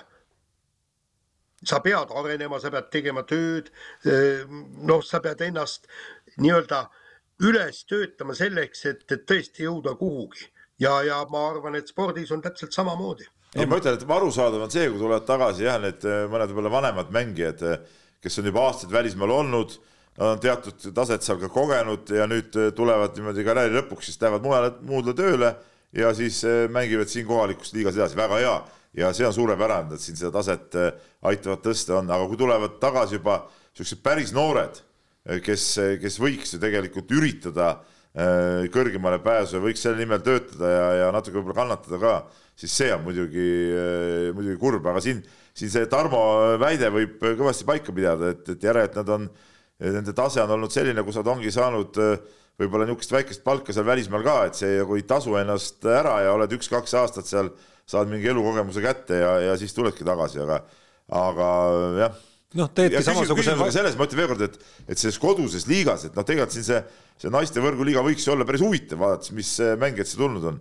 aga see, et nad seal noh, teenida ei saa nagu üldse, no see on, see on muidugi naeruväärne või noh, või teenivad mingi ülivähe nii, aga lähme edasi ja Norra murdusuusataja äh, Paul Kolberg on siis äh, MK-sarja tuleviku pärast mures ja, ja küsimuseks on siis norralaste endi suur ülemvõim ja ütles ta siis, et peaksime võib-olla teiste koondistega veel rohkem tea oma teadmisi jagama ja oma määrdeala äh, teistega jagama. noh, et eks ta on, eks eks see Norra, Norra meeste värk on seal ikka väga-väga võimas praegu. päris huvitav lause oli seal veel tema intervjuus, kus ta, noh, me oleme harjunud siin iseendast mõtlema ja arutama ja rääkima siin, et eh, küllap me ka mingite teadmiste poolest oleme, oleme selgelt eh, maas ja, ja kui mõni meie suusasportlane on pääsenud mõne välisriigi koondise juurde ja ja, ja andnud intervjuu ja rääkinud, kuidas ta noh, öö ja päev sisuliselt oli see, mis mis teda ees ootas seal, siis Kolberg rääkis, et äh, kuskil laagris nägi ta, kuidas sakslased trenni tegi ja ütles, et ta vaatas kõrvalt ja sai kohe aru, miks norralased peajagu üle on. et isegi sakslastega tuli see kontrast välja, nagu ta ütles, kus siis norralaste jaoks oli kogu see äh, spordi tegemine nagu kultuur, aga sakslased tegid nagu, nagu sellist palgatööd jaa, aga see oleks ju tegelikult absurdne, kui me sisuliselt võtame kõik maailma Eh, tippsuusatajad või siis need noored ja kõik, kes oleksid võimelised pääsema maailma tippu, ehk siis eh, vastavalt nende füsioloogilistele ja, ja tahtelistele omadustele. ja kõik paneme ühte koondisse, norralaste käe alla. kogu kõik kakssada maailma parimat suusatajat treenivad norralaste käe, käe all ja eh, norralaste näpunäidete all, neile määrivad suuski Norra määrdemehed. no see oleks ju absurdne lihtsalt üks riik on, üks riik on teistest peajagu üle, täpselt nii nagu Keenia, eh, Keenia on eh, pikamajooksus, no ütleme Aafrika, eks, et Keenia, Etioopia, Eritrea ja kes sealt eh, võib-olla tulevad veel välja, midagi ei ole teha, elu ongi selline. Jah, aga lihtsalt see hakkab ala ennast närima teisest otsast ja, ja ses mõttes on see Kolbergi ja, ja norralaste enda mure ka täiesti põhjendatud jaa, aga mida me teeme, me ei saa ju kogu maailma panna Norrasse treenima. noh, mingeid teadmisi jagada või sellist, ma ei kujuta ette, mis asi see on, mis siis, okei okay,, ta rääkis sellest Saksa näites siis ju, ju isegi mitte metoodikast, vaid ta rääkis sellisest nagu kultuurilisest vahest, mida ta tajus.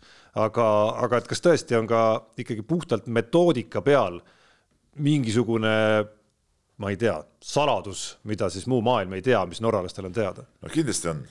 ta jaa, aga Tarmo, sa nüüd mõtle seda, eks, ma saan aru, et, et kui tuleb sakslane, tuleb Norra koondise juurde treenima, kõik on okei. Okay.. tema võtab selle otsuse vastu, töötab nii, nagu norralased ette näevad, kõik nii, aga nüüd teine võimalus, eks, on Saksa treenerid, Tšehhi treenerid, Rootsi, Norra, Eesti treenerid. Ja nüüd tulevad suured norralased, viigingimütsid peas ja ütlevad nii, kallid sakslased, te teete asju valesti teie metoodika ei ole õige, nüüd te peate tegema nii, nagu meie teile ütleme. kuidas see, kuidas see siis nüüd äh, pilti sisse mahuks? nii ei toimu ju, nii ei lähe.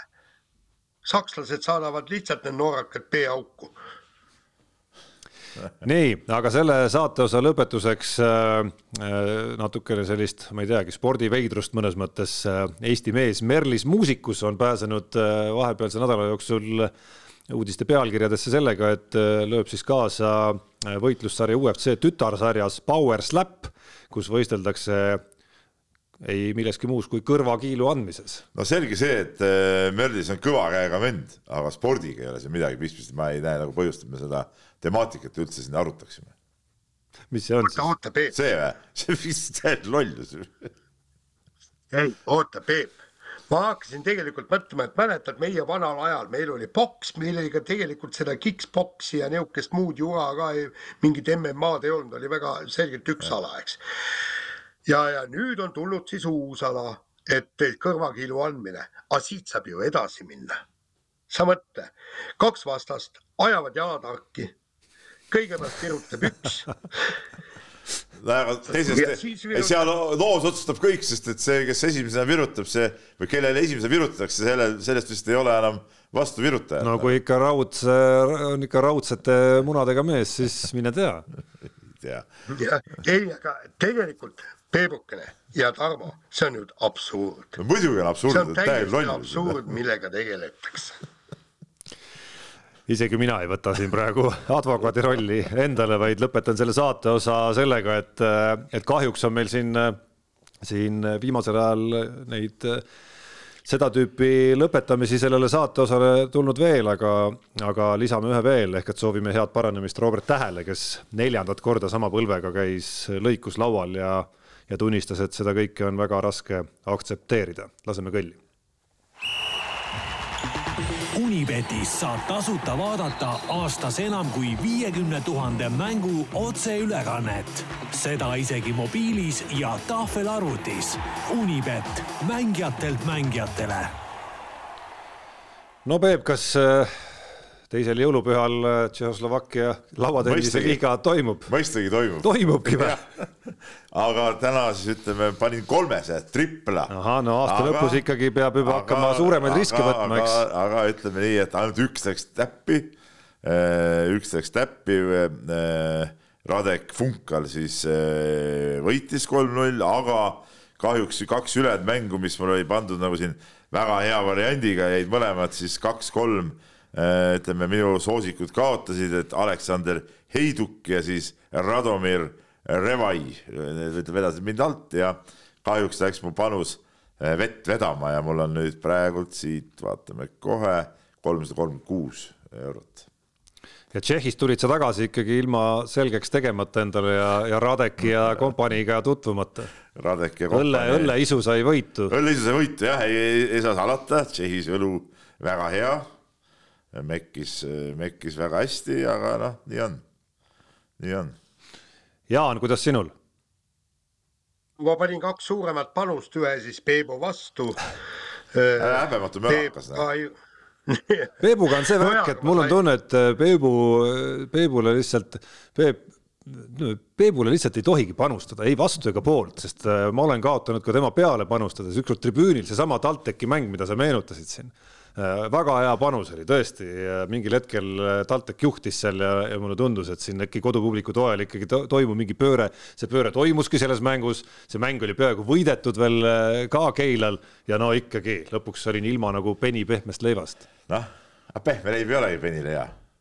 nii, Jaan, kuidas teine peatükk no, sinu nädalast? no teine panus, no teine suur panus läks ka vett vedama, aga kolmas suur panus, mille ma jällegi Ameerika jalgpallile panin, tõi, tõi raha koju ja, ja nüüd on mul mingi kolmsada seitsekümmend ja nüüd ripub õhus veel pluss kaheksakümmend eurot sinna otsa, kui täna kõik asjad paika lähevad, nii et, et, et hakkame vaikselt tulema. oota, üks panus on meil veel panna või? üks nädal on meil jäänud jah, ja tundub, et ei saa ka siin passima jääda. vabank teha jälle. jah, kaks meest lähevad vabank selja taga mul on seal neljasaja kuuekümne kandis kuskil. oh, selle ja... peale üle. no kui mul see kaheksakümne euro siis oled tasa juba jah. siis ma olen sinuga ja olen tasa jah. ja, ja minul äh, ei ole selle nädala saldos oligi sihuke passimisnädal, kus äh, jätsin täiesti, no täiesti selge bänker, jätsin lihtsalt panemata, ma ei teagi, miks. kuidagi jäin kõhklemata, see oli äh, kohalik korvpall. Pärnu mängis äh, liigatabeli viimase ehk väikese Kaleviga ja, ja kolmteist oli vist see nii-öelda punktide liin, mis seal ette anti, lõpuks nelikümmend midagi oli see vahe seal. tundus, et see on ilmne, et see niimoodi läheb. nii ka läks, aga mis puudu jäi, oli siis otsustavus, et läheks ja paneks kasvõi kõik see nelisada kuuskümmend sinna ja duubeldaks. jah, lihtsalt nii. nii, kuidas kirjadega? kirju, kirju siin on ja võtame kohe tegelikult siit ühe saate ajal tulnud kirja, mis siis äh, tuli meie ralli äh, punktisüsteemi jutu peale ja ja Andrus kirjutab, et eh, fakt on see, et kaks tuhat kakskümmend neli ralli võitja ei saa tegelikult öelda, et ma olen kõige kiirem mees, sest äss on puudu ja punktisüsteem on segane, aga ajalugu mäletab teda ikka võitjana. kuidas te seda asja näete? eks see sõltub no, natuke, kuidas see hooaeg tegelikult läheb. ei, mina ei, mingit, mingit vahet pole, kuidas see läheb. Eh, võitja on ikka võitja, tähendab see, et keegi ei osale või, või, või ma ei tea, võtab mingisuguseid puhkepause, see on selle selle puhkepausi mehe probleem, see ei ole mitte võitja probleem. ja võitja on ikkagi absoluutne kuningas, sellel aastal on, on see, kes tuleb, võidab äh, punktide summas ära, ükspuha, milline see süsteem on, ükspuha, kes osalevad, kes on võitja, see on maailmameister ja mitte mingit kuradi kobinat ei saa olla. ma mõtlen rohkem punktisüsteemi osas, et seal noh, seal ole. võib tekkida see, et kas me pärast jääme rääkima mingisugusest konkreetsest. Äh, punktisüsteem on ühesugune kõigile. ei, ma saan aru jah, lihtsalt kas me jääme rääkima selle hooaja järel mingisugusest äh, punktisüsteemi mõjust või mitte, sõltub natukene, kuidas need tulemused tegelikult jooksma hakkavad seal, et kas näiteks viimasel rallil reaalselt siis äh, mingi selline noh, äärmuslik totrus äh, ongi, ongi nii-öelda paberil mustvalgel ette näidata, kus ralli võitja te, teenib umbes kolmanda mehe jagu punkte tegelikult ja, ja siis saab pärast kedrata edasi-tagasi, et näed, küll ikka totrus sai välja mõeldud või, või tuleb Ott Tänak või Neville ja pika puuga võidab ära, nii et ei ole vahet, kas punktisüsteem oleks olnud üks või teine lõpuks nii, et ole kõva mees, võida kõik ära ja ongi kõik. jah, ralli ise, viimane päev ja punktikatse ja. ja mitte midagi ei ole rääkida. jah aga tegelikult noh, ütleme niimoodi, et, et kulu ja kuluaari juttu saab siin ju kogu aeg rääkida, kasvõi sellega, eks. et Sebastian Ogier on kõva mees küll, aga ta ei ole kunagi vahetusvõitluses alistanud Sebastian Loebi. täpselt sama äh, täpselt sama on ju Kalle Rovandperaga tema ei ole alistanud Seba, äh, Sebastian Ogier'd vahetusvõitluses, sest kui tema tuli meistriks, siis lõi prantslane kaasa kõigest. Äh, oota, Jaan, aga siin on oma teooria jälle. mul on oma teooria. aga oota, oota, oota, oota, Jaan nüüd, oota nüüd. Ott, Ott Tänak on absoluutne tšempion, sest tema alistas Sebastian Ogier, kes oli valitsev maailmameister ja ma tahtsin öelda seda, et võib-olla lööb, nägi ära, et Osee on tulemas ja ta ei julgenudki enam äh, sõita, vaata. sama asi Osee nägi ära, et kurat, vist ei saa Rompeale vastu, tead, ma teen siukse pooliku hooaja, võiks ka nii olla. ja tegelikult võiski, ma ei ole sellele vastu. Ma ei ole sellele vastu, aga, aga lihtsalt fakt on see, et ei Ossie ega Rovanpera ei ole alistanud valitsevat maailmameistrit, küll aga on seda teinud Ott Tänak no ma poleks teilt küll sellist äh, taset nüüd uskunud praegu, et. Äh, nii kõva, nii kõva, latti tõstsime nii kõrgele. ei, et äh, nii kõvad mehed nagu Sebastian Loeb ja Sebastian Ogier põhimõtteliselt lasite täis ikkagi praegu. et noh, põhimõtteliselt no, maakeeli, maakeeli öeldes, maakeeli öeldes, Peep, sa ütlesid, et mõlemad mehed on jobud Ei, kuna nad näed. konkurendi kartuses ütleme enne uue rivaali tõusmist lihtsalt taandusid, et nad ei peaks kaotama. see on mingi võlts Aruküla mehe tõlgendus, tead noh. ei no mida, nii sa ütlesid. ei, ma ei öelnud, nad on jobud, ei olnud, paluks mitte sõnu suhu okay, panna. okei, sa ütlesid, Ožee hakkas kartma Rovanpera. ma ütlesin, et võib-olla ta nägi ära, ma ei öelnud, hakkas kartma, nägi ära, et miks ka mitte ja nii on. nii. ja tegelikult Tarmo, miks see lööb? Tegelikult Stepsli seinast välja tõmbas, kui Ožee sinna Volkswagenisse läks ja pärast seda neli järjestikust tiitlit või ma, mul on tunne, et, et lihtsalt Citroen ka lööbiga roolis ei oleks saanud tegelikult Ožeele vastu. tegelikult ei oleks. auto oli ka nii palju kehvem juba, nii. nii, aga siin äh, tuleb, tuleb jutt selline, kus soovitakse meile siin ilusat jõuluaega ja, ja Muhv kirjutab meile, jutt tuleb siis äh, trash talk'ist nii-öelda. Ja viitab siin ühe UFC äh, kaks üheksa kuus võistlusele, mis ei meeldi pigem pressikonverentside tõttu. Ja, ja ta küsib, et kas peaks olema mingi sii-, mingi piir, mida ei peaks ütlema või on spordis nagu sõjas, et kõik on lubatud, et vastast psühholoogiliselt edestada, meenutan siin Mike Tysoni sõnavõtte, kes lubas Lennox Lewis'i lapsed ära süüa või isegi eestlaste seas suurt vastukaja tekitanud tehku kodus võileibu märkus Värnikult Kanteri suunas. kuigi nad polnud isegi konkurendid. No eks eh, noh, kokkuvõttes eh, võiks vist öelda niimoodi, et, eh, et iga sõna, mida me oma suust välja ajame, räägib kõige rohkem ikkagi meie enda kohta, ükskõik mis kontekstis, ükskõik mis olukorras. Ja eks siis eks siis niimoodi neid kommentaare hinnata tulebki, et kes tahab kellegi lapsi ära süüa, meenutab seal, ma tean, saan aru küll, mida silmas peeti seal kellegi vara lahkunud isa kallale mindi ja nii edasi, et, et ma arvan, nii lihtne see ongi. No minu arust see on nagu totrus, ütleme kõik see, see poksjate ja, ja nende võitlejate seal kaalumisega, kuidas seal vahivad üksteise pilguga ja siis nagu ei ole äkki täis, seal lähen sulle kohe kallale ja see on idiootsus ju tegelikult kõige sümpaatsem on vaadata ikkagi neid äh, võitlejaid, kes äh, nii enne matši kui ka pärast matši suruvad äh, sportlikult kätt ja austavad vastast ja, ja teevad seda tõesti nii enne, nii pärast kui ka matši ajal. ei, tegelikult äh trash talk'il ja trash talk'il on vahe, kui me vaatame, mäletate Muhamed Ali'd, eks pärast kuuekümnendaid, kuuskümmend kaks, kuuskümmend neli, kui ta hakkas äh, tulema, tema ju tegelikult viis selle boksis uuele tasemele, mida ta tegi, tal olid luuletused, äh, kus ta solvas vastast ja, aga ta andis teada mitmendas raundis vastase purustab ja, ja tegelikult see oli para, parajalt põnev mäng, kuigi vahepeal läks ju hoopis teises, eh, teises suunas, eks, et kui ta ütles oma luuletuses, et ma löön su nokki kolmandas raundis, aga ta oli juba esimeses eh, sedavõrd üle, siis ta hoidis end tagasi, et siis kuuenda või kolmandas raundis see vend põrandale lüüa, aga tegelikult see oli parasjagu huvitav show ja, ja, ja ta ei hõisanud nii, et, et äh, ma, ma peksan su läbi kohe esimeses-teises, ta kaalus väga täpselt seda. oli neljas raund, oli kuues raund. et, et, et äh, tema oli nii-öelda suurmeister, trash, boksi trash talk'i suurmeister ei no kuni see on sportlik, olgu ta poks või ma ei tea, korvpalliväljakas või kus äh, need, neid legendaarseid jah, juhtumeid jah. on küll ja küll, kus äh,, kus mõni mees on valele mehele öelnud vale sõna kuskil ja on pidanud pärast valusalt kätte maksma, et äh, et noh, see, see, see on ju noh, tegelikult on see äge ja lisab äh,, lisab põhjuse lihtsalt, miks mängu vaadata või, või saali minna, et äh, noh, siin üsna värske näide on ju Euroliigast, kus äh, no midagi ei ole öelda, et kuskil on nüüd äh, keegi välja mõelnud ja, ja mitte ainult korvpallis, vaid päris paljudel aladel vist, et tuleb hakata äh, kohitsema igasugust emotsiooni, mis, äh, mis üldse siis väljakul välja näidatakse, noh, see ülim ägedus juhtus siis hiljuti Monaco mängus, kus Mike James viskas kolmese sisse, siis näitas kolme sõrme, noh põhimõtteliselt mingi täiesti suvaline žest isegi ei, ei olnud see on suunatud, see on ei olnud isegi vastastele suunatud ega ka publikule. Ja isegi kui see oleks olnud vastasele konkreetsele kaitsjale või, või ma ei tea, publikus vippsektoris kellelegi, isegi siis seda karistada tehnilise veaga, no see on absurd. See on absoluutselt muidugi.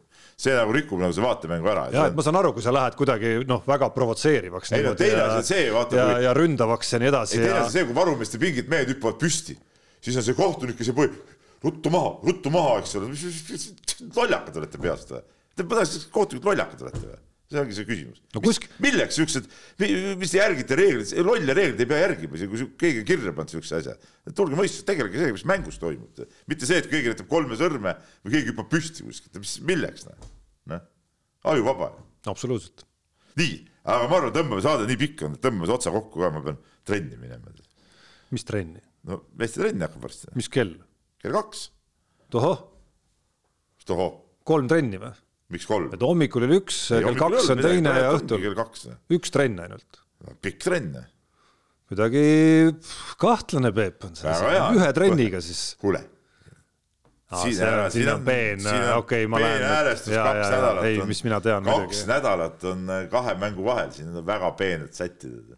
ai, see, mis sealt välja tuleb nüüd. ei no võimalik. ma jään ootama, mis see esimene mäng pärast pausi on no teil? TalTechiga, see on ülitähtis mäng. võõrsil mäng, jah. jaanuar jah. mm. -hmm, selge, no selle ma panen kalendrisse endale, kalendrisse igas mõttes, nii vaatamise kui panustamise mõttes juba kirja. meil on väga, meil on väga tihe muuseas see jaanuar, seepärast ongi, peab väga peenelt peavad tegema, mängime kuuendal jaanuaril, mängime TalTechiga, siis sellest järgmisel nädalal äh, ongi teisipäeval sõidame Šauljaisse, kolmapäeval mängime Šauljaisse Euroopa liigat, siis sealt saame neljapäev edasi Ventspilsi, reedel mängime Ventspilsis, siis tuleme tagasi, järgmise nädala alguses sõidame kohe Poolasse, mängime Seljona Koraga ja tuleme tagasi nädala lõpus oli, oli meil näed, ma nüüd täpselt peast ei mäletagi.